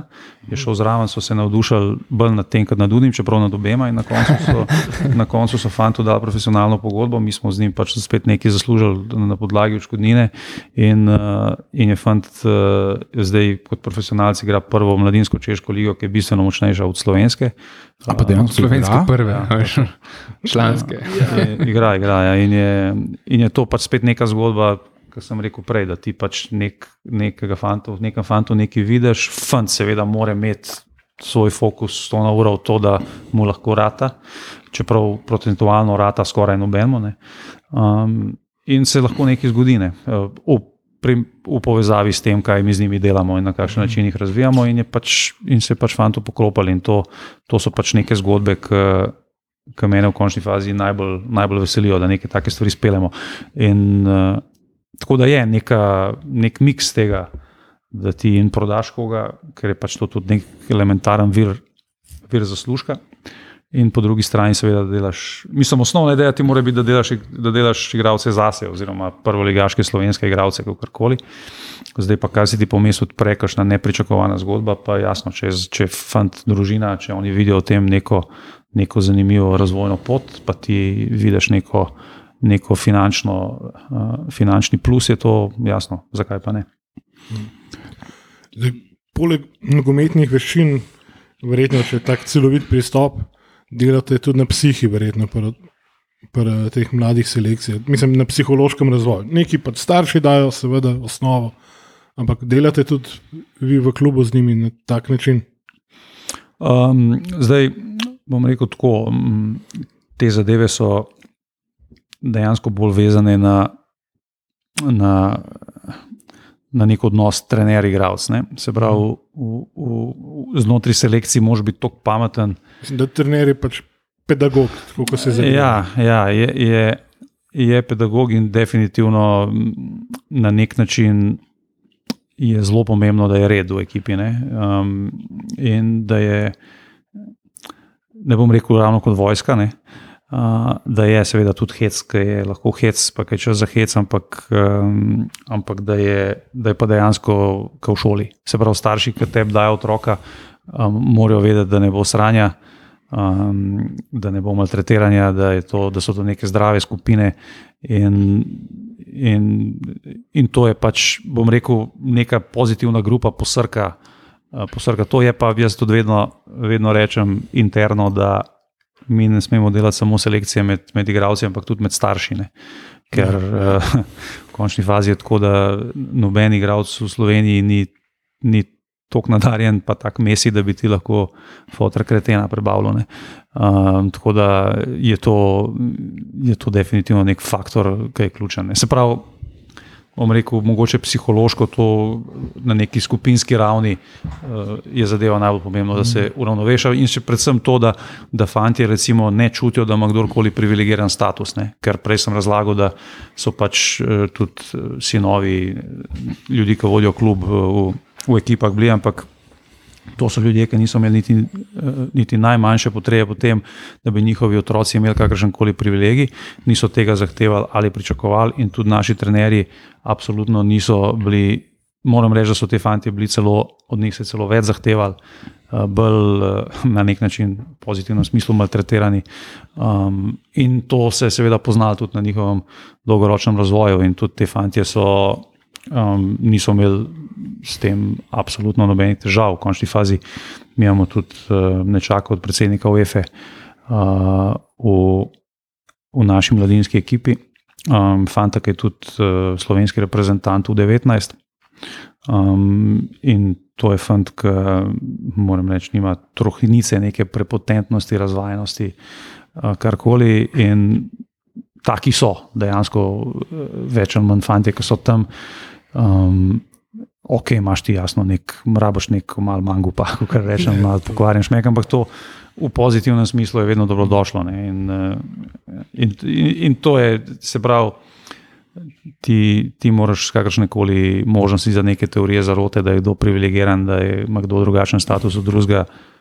Zato Pač je futbal, pač. futbal odloča in na igrišču se, se na koncu vse pokaže. ne. Fusbal je pošten, ne cank. Ja, Vrniti to, kar vam ga vložiš. Ja, ja. Ja, zdaj mogoče je to lahko istočnica, da preidemo iz uh, zgodbe o uspehu na, v bistvu mi smo vendarle podcast o Olimpiji. Ne? Mihatov klasičen cliffhanger, segway. Uh, ne, zakaj recimo Olimpija ima uh, v mladinskih kategorijah mal slab sloves, ne? da se slabo dela na Olimpiji. Jaz sem Kaj- tudi kaj to gost prejšnji teden ne, rekel, ko smo ga vprašali, če njegov otrok po Olimpiji gre. Ne, ne, ne. ne.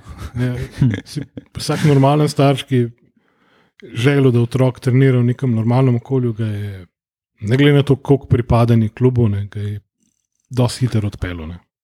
No, zdaj pač eh, k- k- ti, vsem, pač, ker se giblješ v teh krogih, dosta veš tudi, kako to zgleda pri Olimpiji, verjeten. ne. Eh, pol- Začnemo pri trenerju kadetov. Zdaj, verjetno je osnoven problem pač v ljudeh, ki so tam, ne, v mladinski šoli, da so pač ljudje, ki mogoče niso najbolj usposobljeni za to delo, sploh ne v klubu, ki naj bi bil uh, pač vrh piramide, ne samo v regiji, ampak v Sloveniji. Ne. Uh, Kje so ti elementarni problemi eh, olimpije, ne, mladinske? Eh, Ker te igravci, ki, ki, ki, so, ki jih je Savo Miloševič dejal v, v prvo ekipo, v glavnem niso produkt olimpijske šole, ampak so pripeljani pa recimo 15-16 od drugije. Ne? Ja, to, to je zelo široka tema. Ampak ja, najprej bi rekel, da vse izhaja seveda iz, iz tega, kaj se dogaja gor. Ne. Se Mm. pravi, tako kot sem prej rekel, ti moš kot klub verjeti v to idejo. Ne. In jaz mislim, da Olimpija nikoli ni- ne verjame v to idejo. Da, Da je to klub, ki bi moral, moral furati neko lastno produkcijo, oziroma je vsta uh, vso to prodajanje tega, da je to ideja, kot je imel pač Mandarič, kot je imel v končni fazi tudi v določenem obdobju, Vizet Rastoder. To, to je pač lari fari. Ne. Ljudje ne vejo, kako se tega lotiti, niti ne vejo, kaj rabaš ti za to, da dejansko, um, da dejansko za, za, z- zaženeš neko lastno produkcijo. Ne. Se pravi, prva stvar je, da ti, da ti od zgori to verjameš. Edini se mi zdi kratko obdobje, kjer je pač nekdo res v to verjel, je bil tisto obdobje, ko je bil športni direktor Nenad Protega. Zdaj jaz ne bom govoril Nenad Protega, dobro delo v klubu. Ne, on je pač to idejo imel, da je pač mladinski pogon stebr kluba. Takrat so se neke zadeve tudi pod njegovim vodstvom v neki zgodnji fazi, eh, on je pač zelo kratko časa bil v klubu, um, dobro zastavljen. Je Bilo to takrat, ko je bil Beli. Bel je bil. Andrej Zdrh je bil vodja mladinskega pogona, Zoran Zelkovič je bil trener kadetske ekipe. Videl, kje je zdaj Zoran Zelkovič? Ja, no, Novica Nikčevič je bil trener mladinske ekipe in tako naprej. Tako da zadeva je bila, je bila zastavljena ok, to so, to so trenerji, ki moram reči, da jih tudi jaz cenim. Um, in tudi uh, dobro z Belim sva pač dobra prijatelja, z Okija dobro poznam, je moram reči ena zelo ok oseba, noce ta v redu poznam, noce je. Um, Ja, to so tudi- so, Tako, sorry, iz tiste zgodbe, ki pravijo pač, legende in nekdani igralci kluba, da se vključijo, če imajo pač neko širino trajala v procesu. Recimo, ja, recimo. Um, zdaj, ok, ta zgodba je lahko 50-50. ne, ali Ja, so ja, to zdaj, sej ti imaš tudi danes. Imamo eh, nekdanjo legendo kluba, trenerja, Ja, in tako naprej. pa pač, nima kapacitete. Žal. Kakorkoli. Mislim, da je bolj problem, okay, če se vrnem pač na neko osnovno temo. Prvi problem je to, da mora to izgoriti dol. Se pravi, šola se sama po sebi ne more organizirati kratko, se pravi, nekdo, ker se zadeva nastavlja izgor, kdo pač nogometno šolo vodi. In pač iz tega se gre, na kakšen način, na kakšen način on nogometno šolo postavlja. Um, in mislim, da tle, tle Olimpija nikoli ni imela neke rdeče niti. Ne? Um, v smislu tega, da, da je, da je, to, da je zadeva tako postavljena, da, da, se, da se prelaga iz ene selekcije v drugo, in tudi, da so trenerji usposobljeni neke te stvari voditi, voditi in izvajati. Imeli smo, imeli smo mogoče v tistem obdobju, ko je, ko je Hajro Riziš vodil to otroško nogometno šolo, to zadevo v spodnji v Olimpiji zelo, um, zelo natančno zastavljeno. Nekaterim ljudem to ni bilo všeč, nekaterim ja, zdaj to je pač stvar mnenja, ampak definitivno zadeva je bila takrat tako urejena kot v Olimpiji, nikoli, če govorimo o otroškem nogometu, ne gor.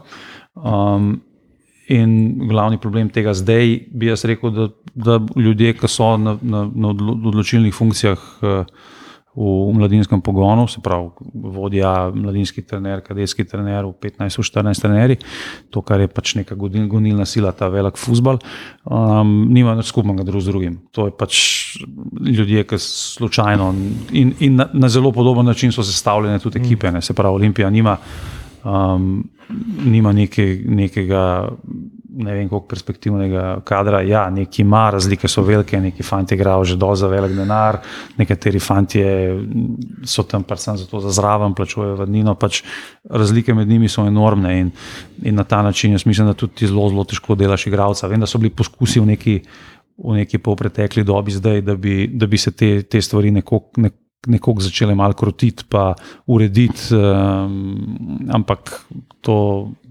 če ni kot sem rekel, neke splošne ideje, da, da je to res potrebno početi in zakaj je to potrebno početi, potem jasno je to dol, borba z mlini na veter ne, in, in na, na nek način to tudi izpada. In vsi ti fanti, ki so, ki so debitirali, jaz pač um, bom, sem vedno zagovornik lastne produkcije, igralcev v končni fazi. Takrat v v moji eri, pa ne pravim, da, da so to moje zasluge, ampak takrat smo mi to pač idejo imeli. So, je prišel klub Andraš Porar, je prišel takrat v prvi fazi Miha Zajc, v spredje je Nika Pun se razvil, Kenan Bajrič, Nemanja Mitrovič, kasneje in tako naprej. Tako da smo to počeli in na koncu je klub v bistvu tudi na podlagi teh igralcev kasneje veliko zaslužil, ne v našem času, ker so kasneje prišli ljudje, ki so pač bili bistveno bolj sposobni te, te igralce dejansko prodati. In so tudi te igralci nekako dozoreli do tega. Prišel je takrat Matic Fink, Filip Valenčič, Kapun. Um, Kapuna sem omenil, tako je. Um, Elvis Džafič uh, in tako naprej. Fanti, ki so pač, imajo se mi zdi še danes neko povezanost z Olimpijo in mislim, da je to, da je to pač ta razlika. In, in, uh, in jaz, kot sem rekel, vedno sem, se mi zdi, da je to prava pot, v kombinaciji seveda z neko kvaliteto iz druge, ker pač v Olimpiji ne moreš, ne moreš biti samo na to naslonjen. Um, ampak te fanti, ki so zdaj letos kapljali člansko ekipo ali pa v zadnjih letih in dobili neke in pogodbe in minute. Um, tle ne gre za nek presežek, moramo biti, moramo biti pač realni. Ne. Vsaka čast, da so, da, so, da so prišli do tega, ampak jaz mislim, da pač mladi fanti, ki bi v Olimpiji dobili priložnost, bi mogli biti neki, na nek način vse slovenski talenti, ne. ker iz tega igralca ti lahko narediš nekaj več. Jaz, uh, moram reči, da v večini teh fantov tega ne vidim. In tudi večina teh fantov, ki so v zadnjih letih tako kaplali gor, se ni obdržala v, v okolju članske ekipe in pač ni poanta debitirati. Poanta je, da ti pač se v ekipi zadržiš, da pač nekdo verjame v to, da ti lahko igraš um, in, in ti tudi pač da priložnost, da, da to v nekem dolgoročnem obdobju narediš in se razvijaš. Jasno pa, da, da je vedno to, da ti igralce razvijaš, odvisen od, od, od mnogih faktorjev ogromno je pa odvisen tudi od njega. Ne? Čeprav ponovadi pri futbolerjih, tako da so jim vsi drugi krivi za neke stvari. Ampak um, na, v, v končni fazi, tako kot ponavadi na koncu sezone, lestvica ne laže. Ne?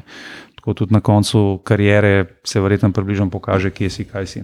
Možeš imeti pa pač ogromno sreče.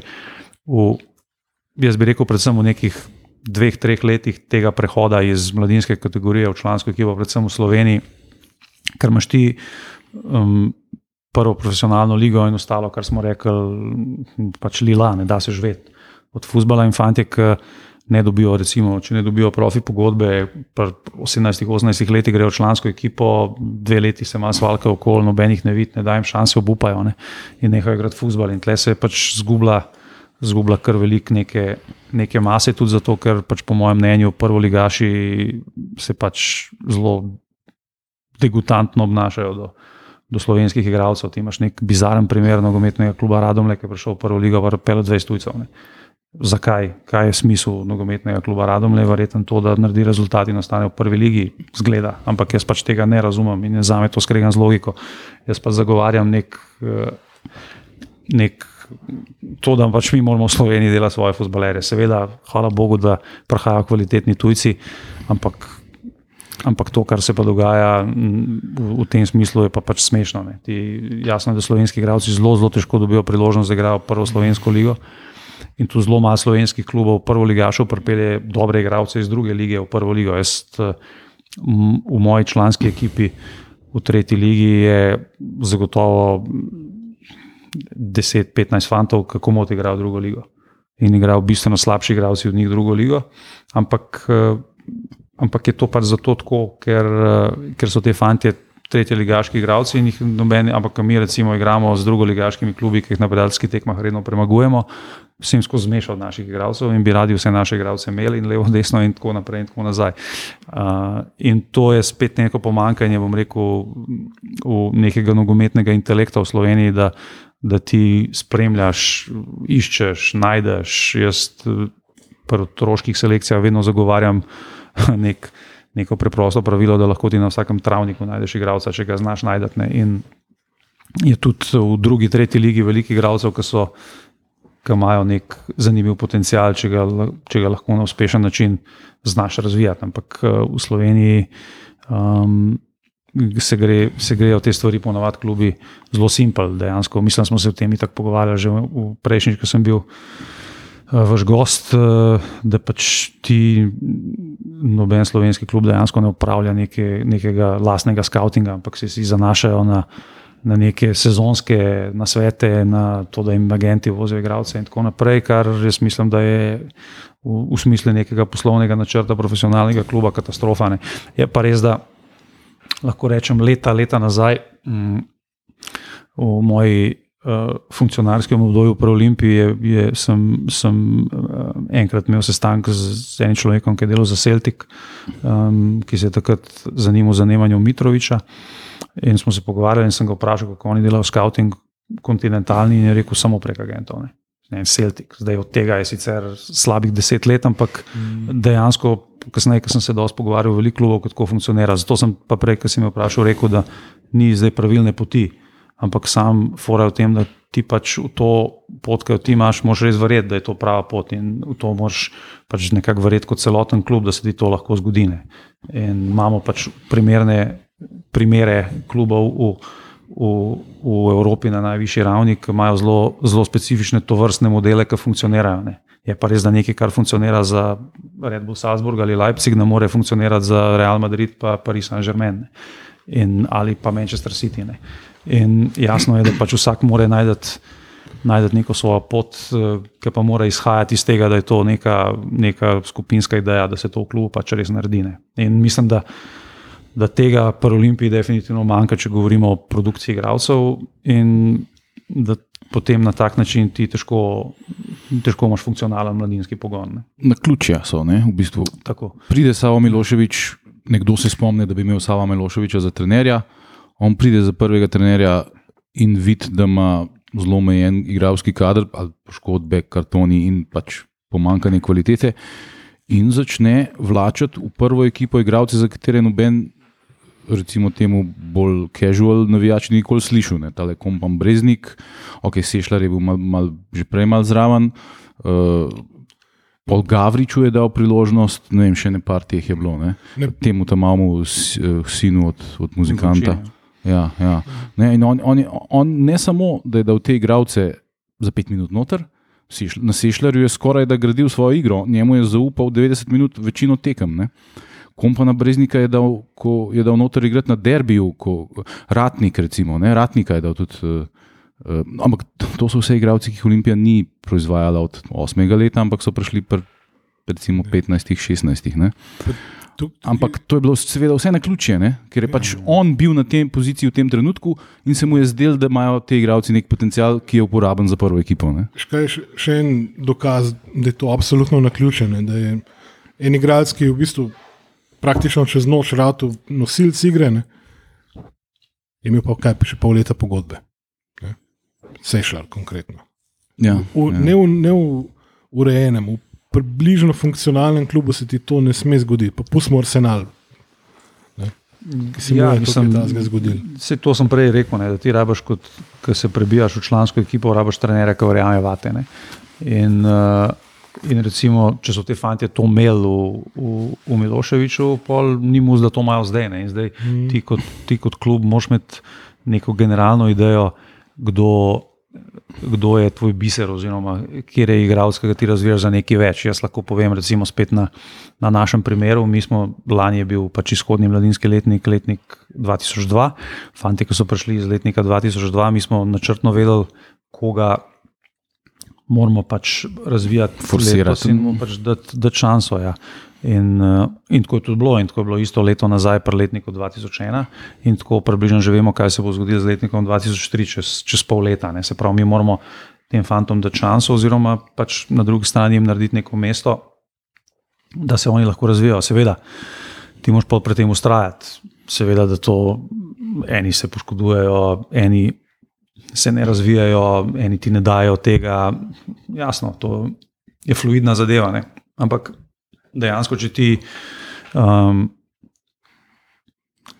Recimo, lih primer tega, ki sem, ki sem ga prej dal, 94-letnika Olimpije, je bil, je bil tak. Ne. Mi smo takrat za trenera postavili Andreja Razdrha, ki je bil trener te ekipe prej.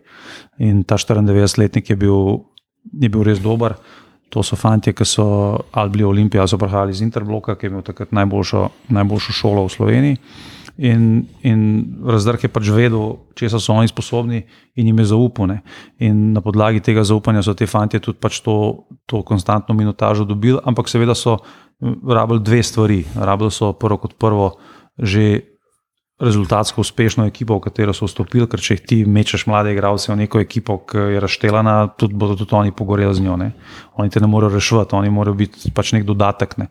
In po drugi strani so, um, je bila mogoče takrat tudi. Uh, Ok, poleg tega, da je pač on vedel, kaj so in kaj, če so sposobni, um, je tudi to bilo, da je bila pač Olimpija takrat v nekem relativno neobremenjenem uh, obdobju, ker je pač Maribor imel gigantsko prednost, ko je on prišel kot trener, naredil neko serijo in je bila to zelo mirna zgodba, ki se je v tisti sezoni pač tudi zelo lepo odvila in so se te fanti pač do, do te mere lahko, lahko razvili, da dolgoročno, vse v končni fazi so nekateri postali standardni prvoligaški igralci, nekateri mogoče se tudi niso razvili, ali Anže Zorc, ki je bil takrat en teh najbolj perspektivnih igralcev te generacije. Tim Čeh, recimo, tudi Tim ne. Čeh, ne. tako, um, ampak se bram, za vsakega tima Čeha, za Anžeta Zorca, imaš enega Bajriča, imaš enega Kapuna, imaš eh, enega Miho Zajca, Imaš Porarja, ne. Tako, Mhm. ta, to je ta generacija Olimpije pač ogromno, ogromno dala. Ne. Prej si rekel, da pač ti mulci, v bistvu, ki pridejo v prvo ekipo, da ne, mo ne morejo pač prevzeti vsega bremena, ampak se ti pa zgodi spet enkrat na vsake kvadren fenomen Mihe Zajca, ne, ki ti nadebijo ti odloč tekmo. Ne. Ja, mislim. Ampak to je izi, pač pač izjema. Ja, Miha Zajec je to bil, kar sem prej rekel. Ne? Miha Zajec je bil vse slovenski talent, ne? njega sicer širša scena ni poznala. Jaz vem, ker sem takrat imel naslednji dan tavžen klical, pa, pa zahteval po intervjuju z Miho Zajcem, ker noben je vedel, kdo ta človek je. Ne? Jaz se spomnim, da fant je šel, to je bila tekma z Muro, zmagali smo 3-1, je dal dva gola. Fant je šel z igrišča, so Dragon si skandirali njegovo ime, ne, to je bilo noro. Ta malo je, je padel iz, iz Marsa, ampak dejansko ni, ne? ker fant je bil, on je bil že leta, leta znotraj scene, se je vedel, da je on nekaj več. Ne? In to z teh stvari pač eh, ne moreš skriti. Mi pač te glavni igralci so vsi največji talenti v Sloveniji, vsi pač, ki se bavimo s tem, vemo, kdo so. In Miha Zajc pač za nobenega ni bil tako dober, to, da na tak način debitiraš, je nekaj drugega. Sej v končni fazi Andraš Porar je tudi debitiral z golom na prijateljski tekmi z Crveno zvezdo. Ne? To so pač fanti, ki so nekaj več. Andraš Porar je, je bil v mladinskih kategorijah pač fenomen. To, Tisti, ki pač ni gledal teh tekem, ne, pa zdaj misli, da so neki fanti nadarjeni, si ne more predstavljati, koliko so bili dominantni neki te igravci, ki, ki so kasneje pač postali nek nadstandard v, Sloveniji. Ne, in, uh, in zato je pač tudi neko, neko to zadevo treba razumeti. Ni, ni, ni vsak uh, 17-letnik novi zajec, pa novi šporalne. Um, neki imajo neke predispozicije, nekateri so dominantni v nekaterih selekcijah, nekaterim s to stvari manjka. Um, težko je razviti igralca, ni to hec, Ja. uh, ne, ampak moš pa verjeti v to. Tudi, uh, če ostanem pri Mihi Zajcu, ne, on je tudi en primer te spet elementarne zadeve, ki se ne sme dogajati, ne, ko se pač uh, poslovni del umeša v športnega, ne, ker je takrat njegova, v bistvu ta, njegov ta meteorski uspon v članski, v članski konkurenci.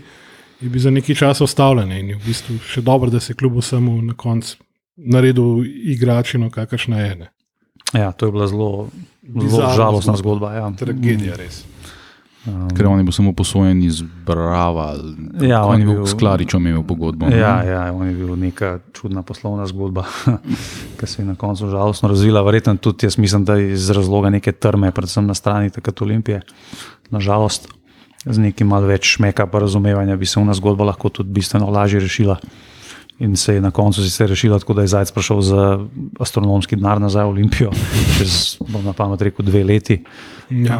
Um, mu je en idiot na avtogram kartici, pol prejšnjo cifro dal, pa je ročno limu pravo. Ja, fant, fant, Kakorkoli, ja, na koncu se je zgodba njegova razvila ok. Ja, um, je pa pač, uh, moram da reči, Miha je en, en, en fant, ki je imel vedno glavo na, na pravem mestu, zelo neka mirna, prisebna, inteligentna oseba. Um, Ki mislim, da je tudi na ta način, pol, seveda, nekim ne, neverjetnim naravnim talentom za naše sfere. Um, je pol tudi iz tega naredil neko zelo dobro, zelo dobro kariero, ne. oziroma jo še dela. Prihaja pa iz eh, v bistvu okolja, ki bi lahko bil pač rezervat slovenskega futbola, praktično. Ne. Bi lahko razglasiti isto območje, hm. še Petra in okolice, za ne vem, ugraditi z ograjo, pa razglasiti za rang Triglavskega narodnega parka. No, sej to zdaj, ko govoriš, je, je, je zelo zanimivo, predvsem iz aspekta, kako se je recimo potopil nek uh, mladinski pogon Gorice, ne, ki Ja. bazira na to okolje. Gorica, pač ljudje ne vejo, je v lanski sezoni izpadla iz prve mladinske kadetske lige in letos wow. igra drugo ligo in tudi ne bo se vrnila, ker pač ni konkurenčna. Um, kar je seveda, bom rekel, Tragedija. v bistvu. Ja, grozljivo za, za ta konc, ki je bil ekstremno produktiven. v nekem- In, in to ti nekako spet pove, kako lahko kljub čemu ti ne namenjaš absolutne pozornosti, zaide v, v nekih stvareh.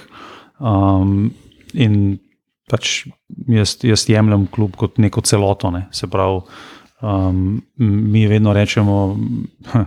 Moji trenerji ne rečejo v članska ekipa, ampak rečejo v 23 ekipa. Ne. To pač mi jo tretiramo kot najvišjo selekcijo naše mladinske šole. In tako kot sem že v štartu rekel, nam je največja želja priti v drugo ligo zaradi mladinske šole, ne zato, da se bomo mi po prsih tolkali, da igramo v drugi ligi, ker to nam prenaša milijardo problemov, brez skrbi, in finančnih, in organizacijskih, in logističnih, ampak uh, to so pač na koncu sladki problemi. Ampak to pa, da ti lahko nekega fanta pri 16-17 letih, ki je talent, vržeš na nek drugo ligaški nivo, da igra, um, to je pa zanimiva zgodba. Ne? To se pa lahko greš, če take fante imaš. Če pa ja. ti pač nimaš mladinske šole, pa imaš samo prvo ekipo, kar ima večina drugo ligašev. Um, Pol je pa to tako, da nekaj grebaš iz posod, pa ne veš točno kaj, pa ni to, pač se malo greš v drugo ligo. In tako je načeloma, bom rekel, tudi v tretji ligi. Ne.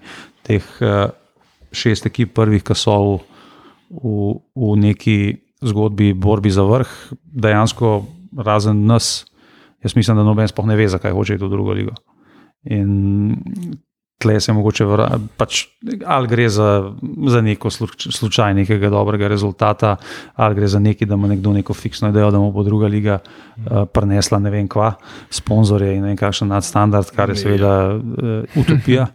Um, Realnost je bolj to, da prenaša veliko večje stroške avtobusnih prevozov. To a, absolutno je. Tako da je, je pač je treba zasledovati neko idejo, kaj je zate in smiselno, in v končni fazi rentabilno v, v futbalu. Za nas ta pač druga liga predstavlja ta izziv, kar je, kar je ključna za to, da mi lahko na podlagi tega še bolj razvijamo svojo, svojo lastno produkcijo. Ne? Vi v bistvu s tem rešujete problem, ki je, tako kot si že rekel, zaradi vem, kadrovske politike, prvoligašev, recimo, pri nas prisoten in nerešljiv. Ne. Super si rekel, da je članska ekipa, da je v bistvu selekcija v 23, ker ta črna luknja, v katero pade marsikaj, verjetno tudi talent, ne, pa se nikoli več ne skoplje iz nje. A obstaja kakšna rešitev, ki je racionalna, oziroma je tukaj potreben nek pušt od krovne zveze, ki nekako na koncu največ profitira od tega, da se res razvijajo domači igralci. Verjetno Liga U23 je pri nas utopijane.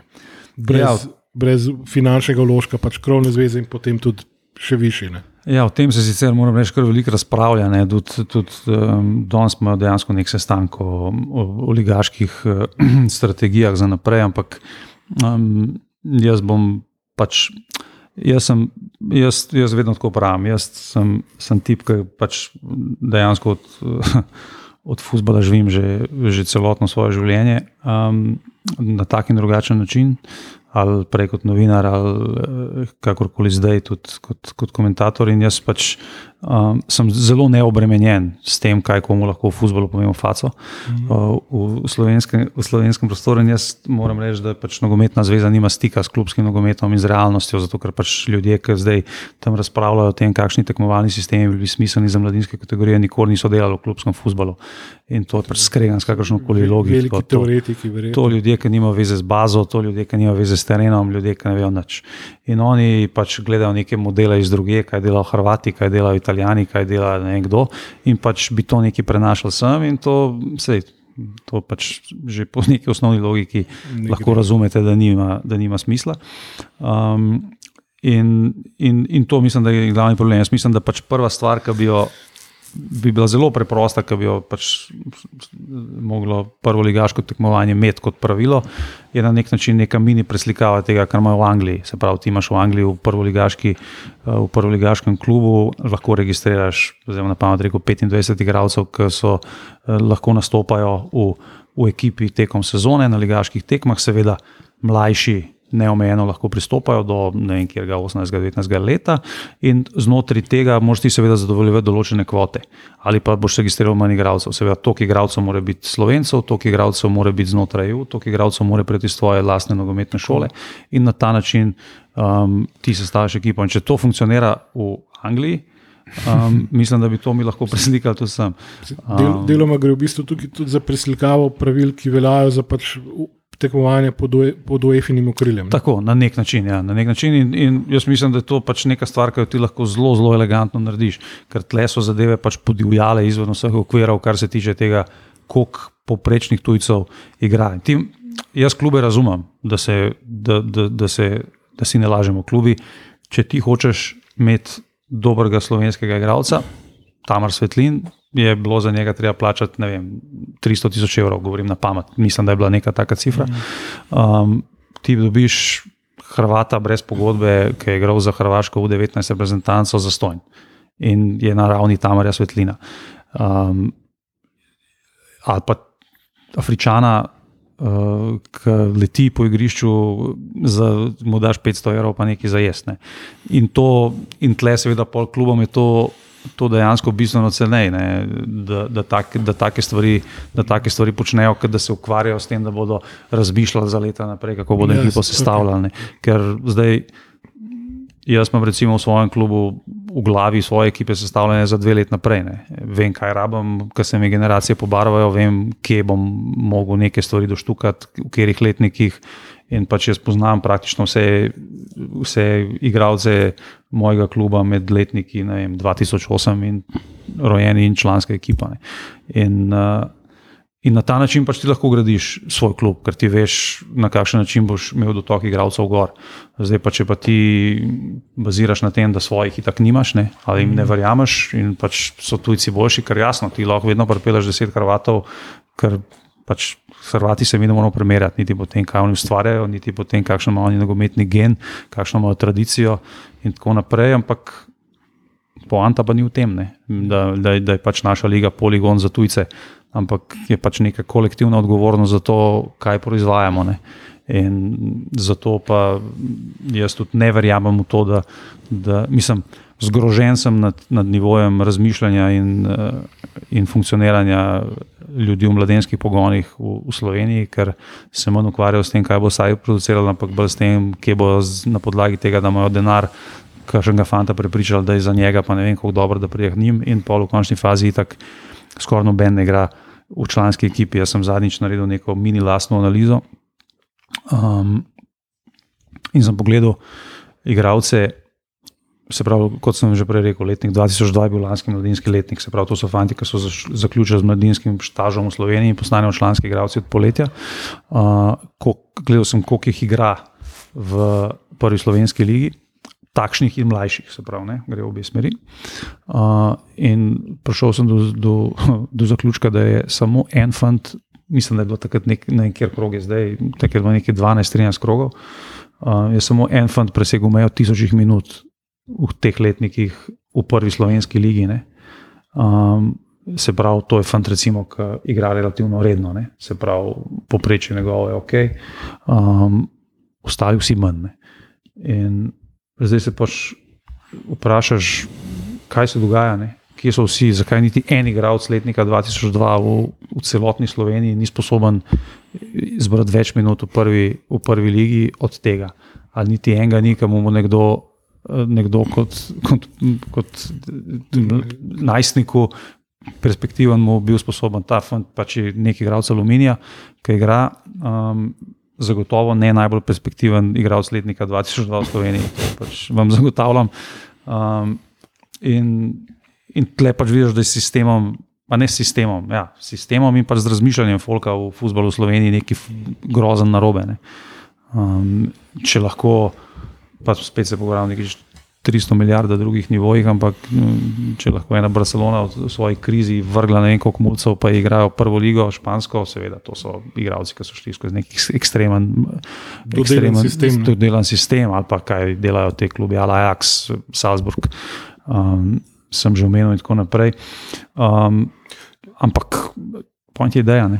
Point je ideja. To, od teh kanibalskih klubov, ki, si, ki smo jih omenjali večkrat in jih imamo v zobeh, tudi v ostalih rednih zasedanjih. ne. Meni se, z- no, blizu. Ne, ful se mi je vtisnil v spomin, ko je pač uh, Benjamin Šeško, ne, kot pač, ne, vem, verjetno največji talent uh, letnika, Ki je- ki je ja, naš Erling Haaland, ne, itd. Ko so, ko so se od vseh klubov, ki, so, ki jih je dal čez v mladinskem pogonu, ne, so se domžale ponosno trkale po prsi, da tega so pa one naredile. Ne. To mi je bilo wow. Ja, pač oni so zgodbo poslovno dobro zapeljali. Sej, kaj češ, oni so izkoristili sistem. Um, enkrat bom povedal eno anegdoto. Ne, um, lih v, v istem času kot Češko je v Domžale prestopil tudi en, en, en fant, eno leto mlajši iz, iz Brinja takrat. In smo pač imeli neko, neko malo neugodno situacijo. Malo smo se po stran gledali in sem, eh, in sem se pogovarjal s takratnim, eh, takratnim kadetskim trenerjem, ki je takrat delal v Domžalah, zdaj je stran, član strokovnega štaba prve ekipe. V Domžalah nima veze, on je pač bil moj, eh, en iz mojih trenerjev na Interbloku.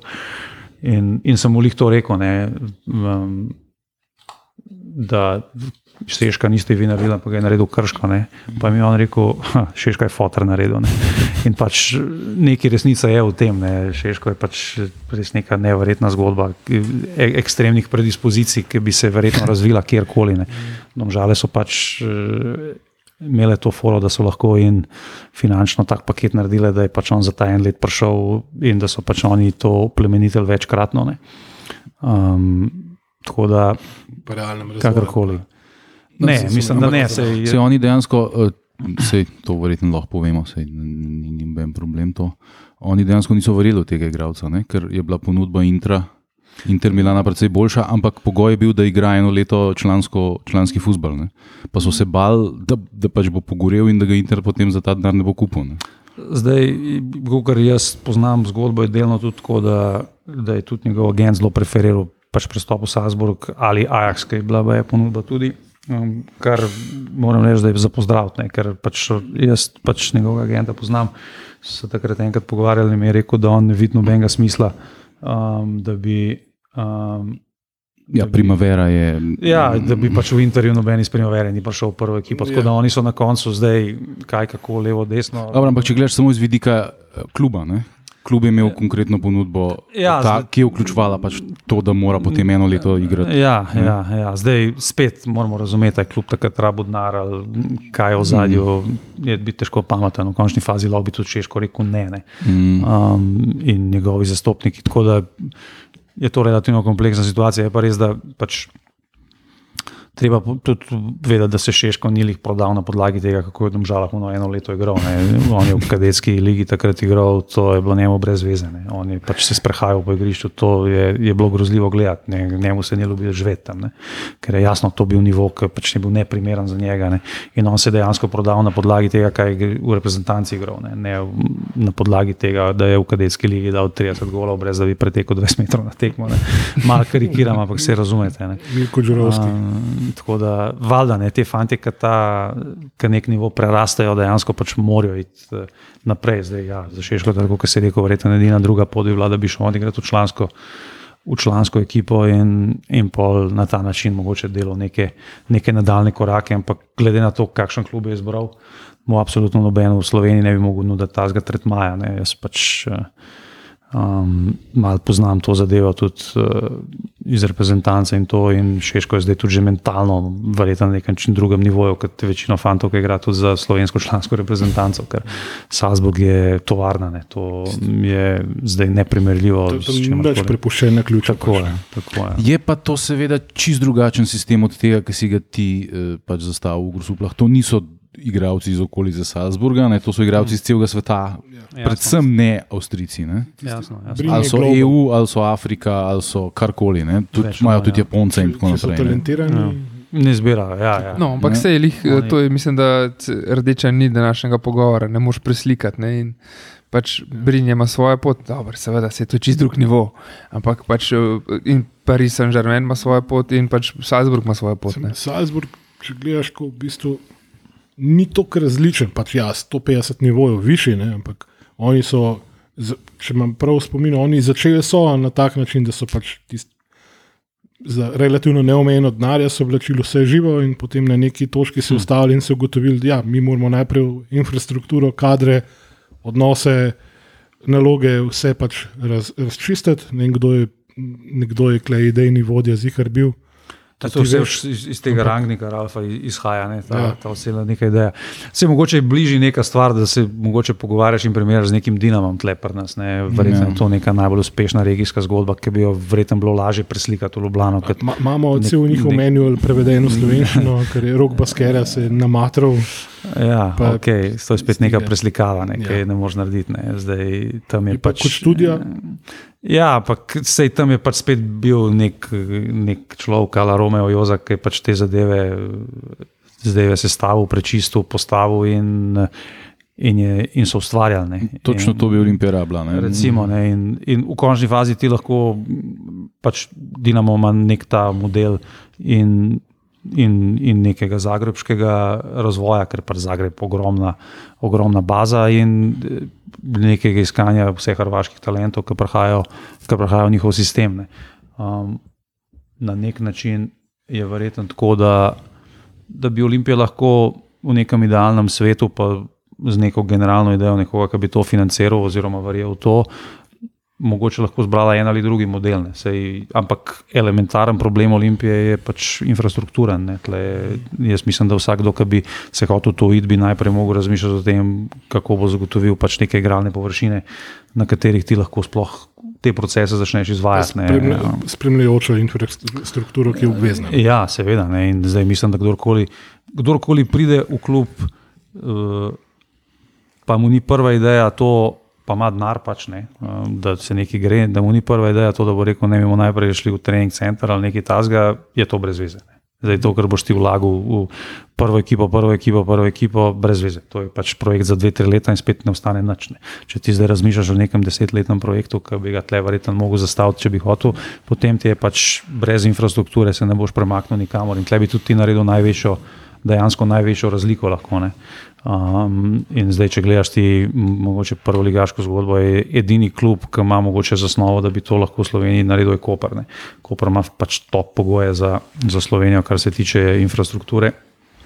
Ampak vemo, da pač Koper, je, Koper ima svoj kaos in svoj šarem, ki je specifičen. Ampak, eh, ampak pravim, za svoje težave z licencami. No, kakršne koli. Ja, ampak, uh, ampak eh, dejansko jaz mislim, da je to pač osnova vsega, da ti s to idejo, da se odločiš za nek model kluba, ki ga, ki ga hočeš zasledovati, moraš. Uh, Moraš pač imeti spremljajočo infrastrukturo, ne. Dinamo Zagreb to ima, Dinamo Zagreb je pač omejenih ko ti gledaš pač v njihov gaben stadion, oni imajo spremljevalno ogromno enih igrišč, eh, tisoče nekih klubov, ki jim delajo igralce, s katerimi sodelujejo, kamor pošiljajo igralce. Levo, desno, gor, dol, to je pač eh, mašinerija, ki si jo mi sploh ne moremo predstavljati, če jo ne doživimo. Ne? In, in eh, tle, pa bi pač vsi gledali, wow, kaj je ta Dinamo, super, ampak vsi bi, ja, bi mi tudi lahko to, ampak to ne gre tako, da ti kar malo misliš, da boš to preslikal ali pa da prevedeš njihov menju. Ne, to, ja, to... Jaz tudi lahko prevedem od Tolstoja knjigo, še ne pomeni, da sem jo napisal. Ja, to, Dinamo je šel v take detajle, in ko je tale, Nikola, ki je bil pri upremljevalcu, tedanjim in sedanjim olimpijam, pa je bil dosti povezan tudi z Dinamom je razlagal, kako je Maminjo sam poklical, da rabijo podnujno komplet garnituro za celoten klub, za nek vaški klub, ne iz nekega predmestja Zagreba. Ne. Da so bili v bistvu tako povezani, oni so rabili, niso imeli sredstev, hopa pa jih je opremo. In no, avtomatično imaš potem v bistvu praktično prvi pik. Ne. Čim se pojavi, kakšen ja, ekstra ja. talentiran, ne bo nobenega vprašanja, kam bo šel. Ne. Ja, to so take cake malenkosti, ki noben niti ne pomisli. Da... Ja, mislim, vse stvari so važne. Sej, recimo, takrat um, je bil nedolgo nazaj na enem izmed teh hrvaških podcastov, ki je tudi ogromno ljudi, ljudi v Sloveniji gledalo tudi intervju s tem Romem Jozakom. Mm. Dotičnim in on je v bistvu rekel neko to stvar, ki sem jo mogoče tudi parkrat omenil danes. Da je rekel, če je pač dobil Dinamo 12-letnega super talenta iz Šibenika, nisem ga pripeljal jaz ali pa zdravko mamič. Ne. Mi smo ga že kasneje pol, ampak je pač nekdo v spodi za to dolžen, da pač ima scouting te starostne skupine in najboljšega igralca seveda mora pripeljati v Dinamo, kar pripelje tisoč logističnih stvari zraven, starše, šole, lalala. Ampak valjda, to je pač neka ogromna mašinerija, kjer imajo vsi svoje zadolžitve in pač tudi uh, morajo neke, neke rezultate pokazati. Ne? In, Valjda, ni mamič hodil po tem, pa gledal 12-letnike, ampak v končni fazi, ki je pa ta 12-letnik, če se je razvil tako, kot je treba, prišel do prve ekipe, ga je pa mami zelo veliko boljš prodati, mm. ki ga je poskavteral in najdel. Um, in in tako, tako to je, ne? ti pač moraš imeti vse, absolutno. Vse segmente zagotovljene, da imaš minimalno možnost za igralca, da dobiš. Sej, tudi Dinamo je v ogromnih primerih neuspešen, ne? jasno, to pač težko je priti v prvo ekipo Dinama. Ne gre za to, pa pravim, ko govorimo o Olimpiji, ti rabiš vse slovenskega talenta, da bo, da bo on lahko igral v prvem moštvu Olimpije, saj v nekem idealnem svetu bi to tako moglo biti. Imel, recimo, jaz se spomnim, kaj je bil ki je bil Fabijan Komljenovič, športni direktor, ne vem, kaj je bil to uradno. Kdo ve? Olimpije, um, so eni moji kolegi delali intervju z njim in je rekel, da je Antonijo Pavič, to je bil nek fant, uh, mislim, da letnika 2001, ki je bil največji talent dinamove nogometne šole. On je rekel, da je to največji talent v Evropi in na Balkanu. Fandom, mislim, da gre za Monco, drugo italijansko ligo, um, ni se razvil nikamor, rodinamo so ga čakali dve leti. Šel, pač mentalni aspekt igralca je zelo, zelo pomemben. Ne.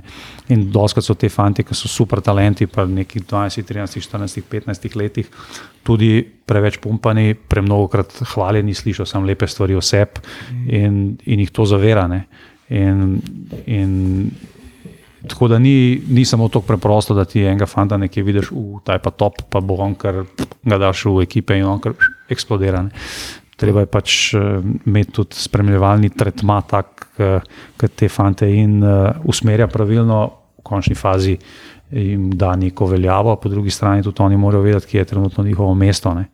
In uh, produkcija igralca je pač kompleksen posel, ki na koncu lahko seveda prenese velike pluse za klub, če se to zna itne. Ja, na drugi strani imaš pa pol slovenske lige, ki eksistira na tujcih. Ja. V bistvu v, v spodnji del, praktično nočni del. Pa, pa glih, uh, recimo bi razumel. Klubi, pri kateri bi bilo najbolj logično. Ja, ki bi razumel, da recimo Olimpija, Maribor, Mura, Koper, Cele, Ajde. Imajo neke kao tekmovalne ambicije, hočejo biti evropsko konkurenčni, tralala, recimo te, v teoriji, seveda. Mm. Uh, ostalih pet, ne, vključno z domžalami, ki so pač izgubile kompletno identiteto, ki so imele, imajo pa na filan z nekimi res drugorazrednimi igravci, na zmes katerih sem jaz pripričan, da bi lahko igrali neki slovenski ja. igravci. Ne.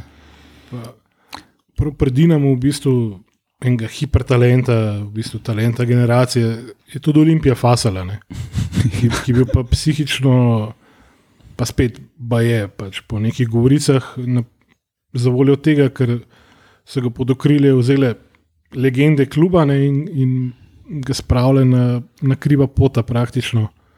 Olimpija ga je tukaj dobila in ti smo mu je bila praktično zadnja, oziroma potem je šel še v Koper ali kam. Ja, ja. Da je bila res zadnja, zadnja šansa, da se karkoli naredi, pa je no. vse skupaj, ker glava ni na pravem mestu, kot si rekel. Ogromno je tega, ja, ogromno je tega. Pač, kot sem že prej rekel, v štartu, včasih, ko se pogovarjam s starši igralcev, ali kakšnih, ki so pri nas v klubu, ali kakšnih, ki se pač pogovarjamo, da bi klub prišli, me vprašajo, koliko je pa procentualno uspe. Pa rečem, noben. Ker dejansko, pač, kot si rekel, naš uh, trek rekord v prvi slovenski legi je katastrofalen. Ne? In to je v bistvu neka nenamerna samosabotaža slovenskih klubov, slovenskega futbola.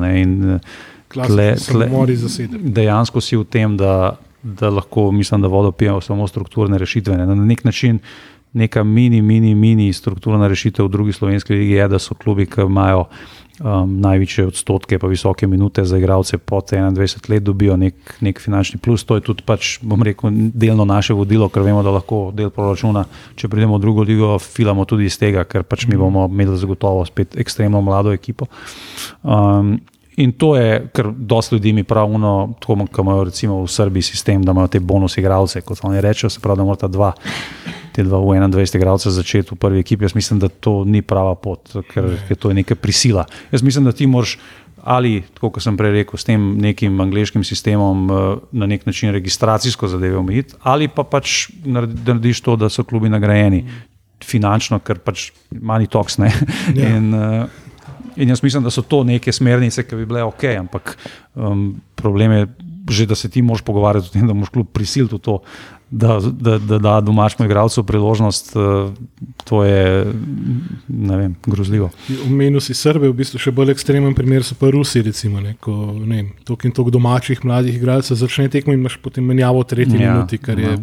Grozljivo. Se tako je bilo tudi v Jugoslavijski ligi. To je bilo tudi celo mm. v začetku Slovenske lige, se spomnim. Ja, ker Bertič vem, da je menil skozi. Ja, ja, na začetku je. Ja. Tako zelo bizarne. Ja. Mm z vidika ene, vsaj približno organizirane olimpije, v bistvu ne.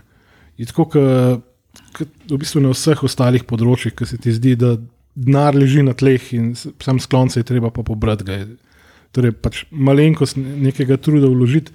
Ker če pogledamo vem, na skupno lestvico mladinske in kadetske lige, je od prvih šest ekip jih pet praktično iz, iz Ljubljanske kotline.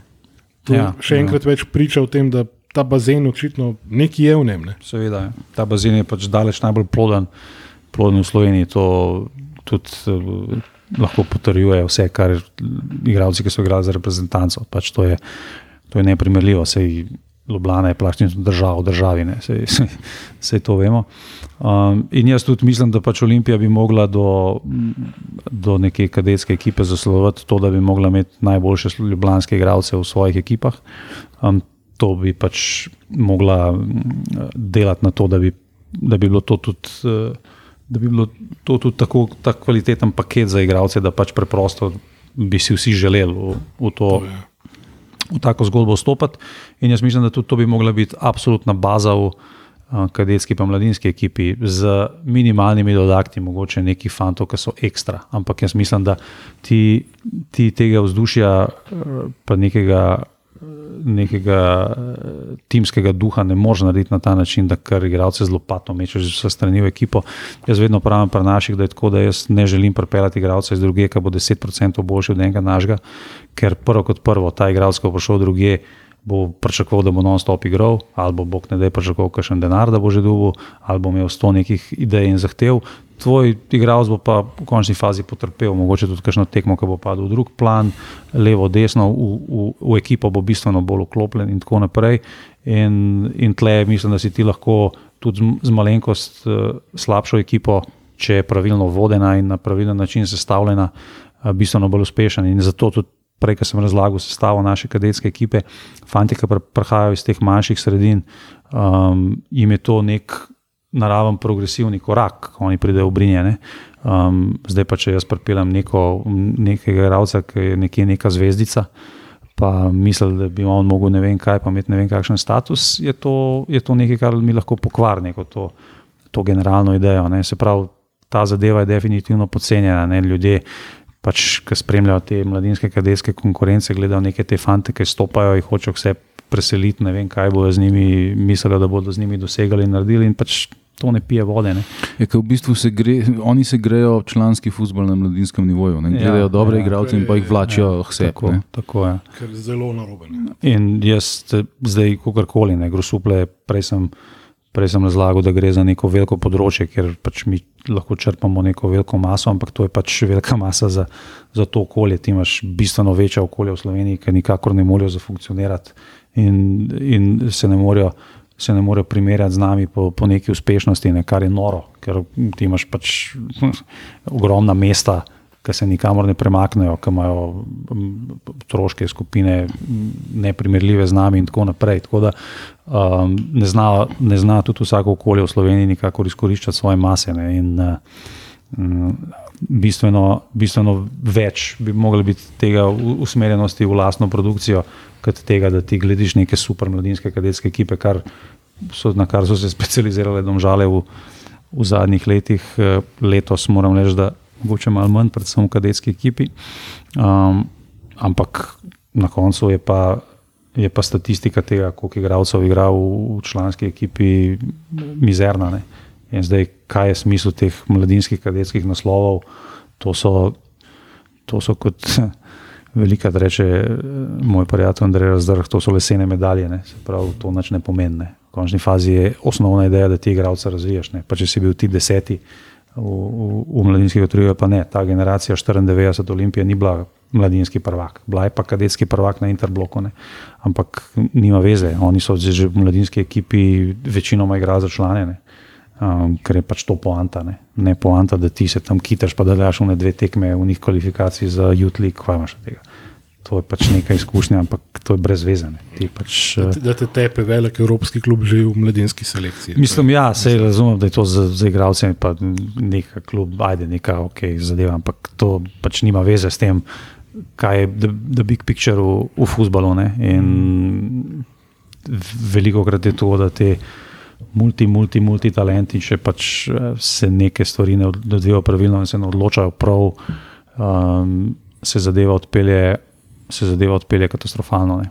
In mm. nažalost mi tle um, ne, znamo, ne znamo na nek način pripeljati teh fantov, ki kažejo v določenih merah nek nadnaravni talent za, za naše okolje, do tega, da bi pač to. Njihovo zgodbo poskušali razvijati tudi v, v članski konkurenci, ker pač je, ni nobene potrpežljivosti um, na račun tega, da je pač jasno, da ti fanti rabijo neko določeno fazo tekem. Zdaj so tudi, recimo, nam na začetku, na začetku sezone govorili, da ja, ste, če govorimo o naši članski ekipi, vi ste pač eni favoritov za prvo mesto. Ne. Sem jaz rekel na podlagi česa. Ne. Da imamo fante, ki v večini nihče ni odigral, z izjemo dveh, treh igralcev, niti 50 tekem članske lige. Ne se pravi, na podlagi česa so oni. Ti imaš tam v tretji ligi lahko neke divjake, ki igrajo že pet let v tretjo ligo, pa niso niti približno tako trenirani, kot naši, in niti približno niso tako nadarjeni, kot naši. Ampak vseeno je to pač neka čist druga zgodba. Ne? Če ti pač dokler neke stvari kontinuirano ne doživiš, uh, je tudi ne moreš, uh, ne moreš razumeti. Ne? Jaz tudi uh, donska naredim prenos tekme, ga pač naredim bistveno bolj sproščeno, kot sem ga naredil, ker sem ga delal petične. In to, ali pa karkoli, kdorkoli dela v življenju. Ne? To je pač logično, da ta izkušnja nekaj je pomembna. Ne? Um, tako da, kakorkoli je to naše prvo mesto, um, lepa stvar je vseeno tudi na nek način ga treba vrednotiti kot to, da to vendarle je. In po izkušnjah igralcev na tem nivoju, in po finančnem uložku je to presenečenje, siguren in pač nek dosežek. Odlično. Mislim, Ja, da je na, naše četrto, četrto srečanje neizbežno. Ne? Ali je to že bilo to četrto? Nasmetem jih srečen na pivu vrednotiti. Uh, mislim, da tudi grusopolski Bielsa se bo mogel pridružiti tej debati, ker smo, smo se res dotaknili bistva, srži neke zdrave, normalne organizacije v futbolu, da zaledje mora, mora funkcionirati. V bistvu v, v, v spomin se mi prekradla ena stara reklama. Ne, Ker nekdo reče, da ta kader, ki je v zaledju, da mora biti um, pozlastavžen kosi, pa vsak drugačen. ne. Hm. Da, da da na koncu v bistvu neko celovito sliko še zmeri. Da, tako kot se je tudi v Olimpiji rado reklo, pa počelo, pač direkt kontra. Tudi sploh potem, ko je še zadnji borc zapustil ladjo, um, da smo vsi v istem čovnu in veslamo v isto smer. Ne. Ker v praksi tisti kader, ki je ostal, vemo, kako je to izgledalo. Kam vesla. Ja, ma, malo krogu, malo čofotat, ma, pač ni, nič od nične. Ampak da res, da smo se dotaknili res tistih pravih temeljev, na, na katerih je treba graditi. In, in ki jih dejansko ni praktično nobenem prvoligaškem klubu. Ne? ja. Niti v tako opevani Muri, ki bo zdaj v mladinskem pogonu eh, izvedla roparski pohod v bližnje večje mesto. Sem le, um, jaz češtekam radom, ne, da so hoteli prvo ligo, ne, pa je v drugo ligo počasi prihaja grosuple. Ne. Pač nočeš biti v isti ligi z njimi. tako Da, Oni so Videti. dejansko so bili. sej počasi, ne, počasi. Dejansko so bili tudi deležni edinega cash incentiva v našem klubskem futbolu, praktično. Ne. Ko je pač, uh, zmago, ni, da zmagovalec druge lige dejansko dobi nek, neke fičenke za obuvrstitvi v prvo ligo. Nek denar je v prvi ligi, se je to jasno, ampak tudi več ali manj v prvi ligi tekmujejo klubi, ki imajo, ki imajo neki, nek zasebni kapital. Ne. Sej, če jih prešteješ, so Ja. vsi tle, ajde, mogoče z izjemo Maribora, ki je pač funkcioniral tako dolgo na neki drugi ravni, da to pač lahko nekaj črpa, dejansko pa vsi ostali funkcionirajo na tem, No, pa tudi, da imajo nekega- Maribor ima recimo pač za zaledje nekih sponzorjev. Tako, tako, Tako ampak manj okay, državnih nima, pa, firm, nima ne. pa Mandariča ali pa ne vem. Tega Kuberca, nima, ne. ja. ampak, ampak ni da generirajo izključno svoj denar. ne. Ja, mislim, da dejansko je pač um, take pogone na lepe oči zelo težko vzdrževati. ne. To pač mm. -hmm. rabaš realen denar in mi, in mi se že, non-stop, že zdaj pogovarjamo, če se nam zgodi, na kakšen način bomo finančno zadevo mogli zapakirati, ker pač Za 15 ur verjetno ne bo šlo. ne. težko bo. Torej, bomo nadaljevali to debato še, še kdaj, absolutno. Hvala ti res, ker si prišel in nam uh, kako bi rekel, osvetlil obzorja, ne? da lahko sanjamo še malo bolj sanjavo, še više. Ja, hvala, še hvala, hvala za vabilo. Um, definitivno mislim, da je premalo uh, to vrstih um, debat v, znotraj slovenskega futbola, tako kot sem pa, mislim, da že v štantu rekel, definitivno manjka, manjka nekega. Ne, ne, neke razgledanosti, široke in, in intelekta, in, in folka, ki bi se to šel um, na višji ravni, kot je pač uh, igranje futbol menedžerja. ne. Um, klub je pač neka organska celota, ki uh, zahteva milijavžent nekih, nekih zadev in nekega razumevanja in sto stvari, ki se ti poklopi. Saj ti si lahko v teoriji vse zamisliš maksimalno, ampak na koncu te pa praksa mnogo krat udar po glavi. Ne, in, uh, Cele. Plus, plus, da si zdaj izjemno povzel uh, tudi pač te smele načrte o reorganizaciji uh, ligi in vsega živega, ker lahko rečemo, da bo na koncu tisti klasičen rek, ne, velik babic, ki le vodete. Ne. Ja, zna biti, zna, zna biti tako je. Lej, jaz, se, jaz se ogromno gibljem v, v futbalskih krogih, imam v futbalskih krogih ogromno nekih poznanstv, pa zelo malo prijateljev.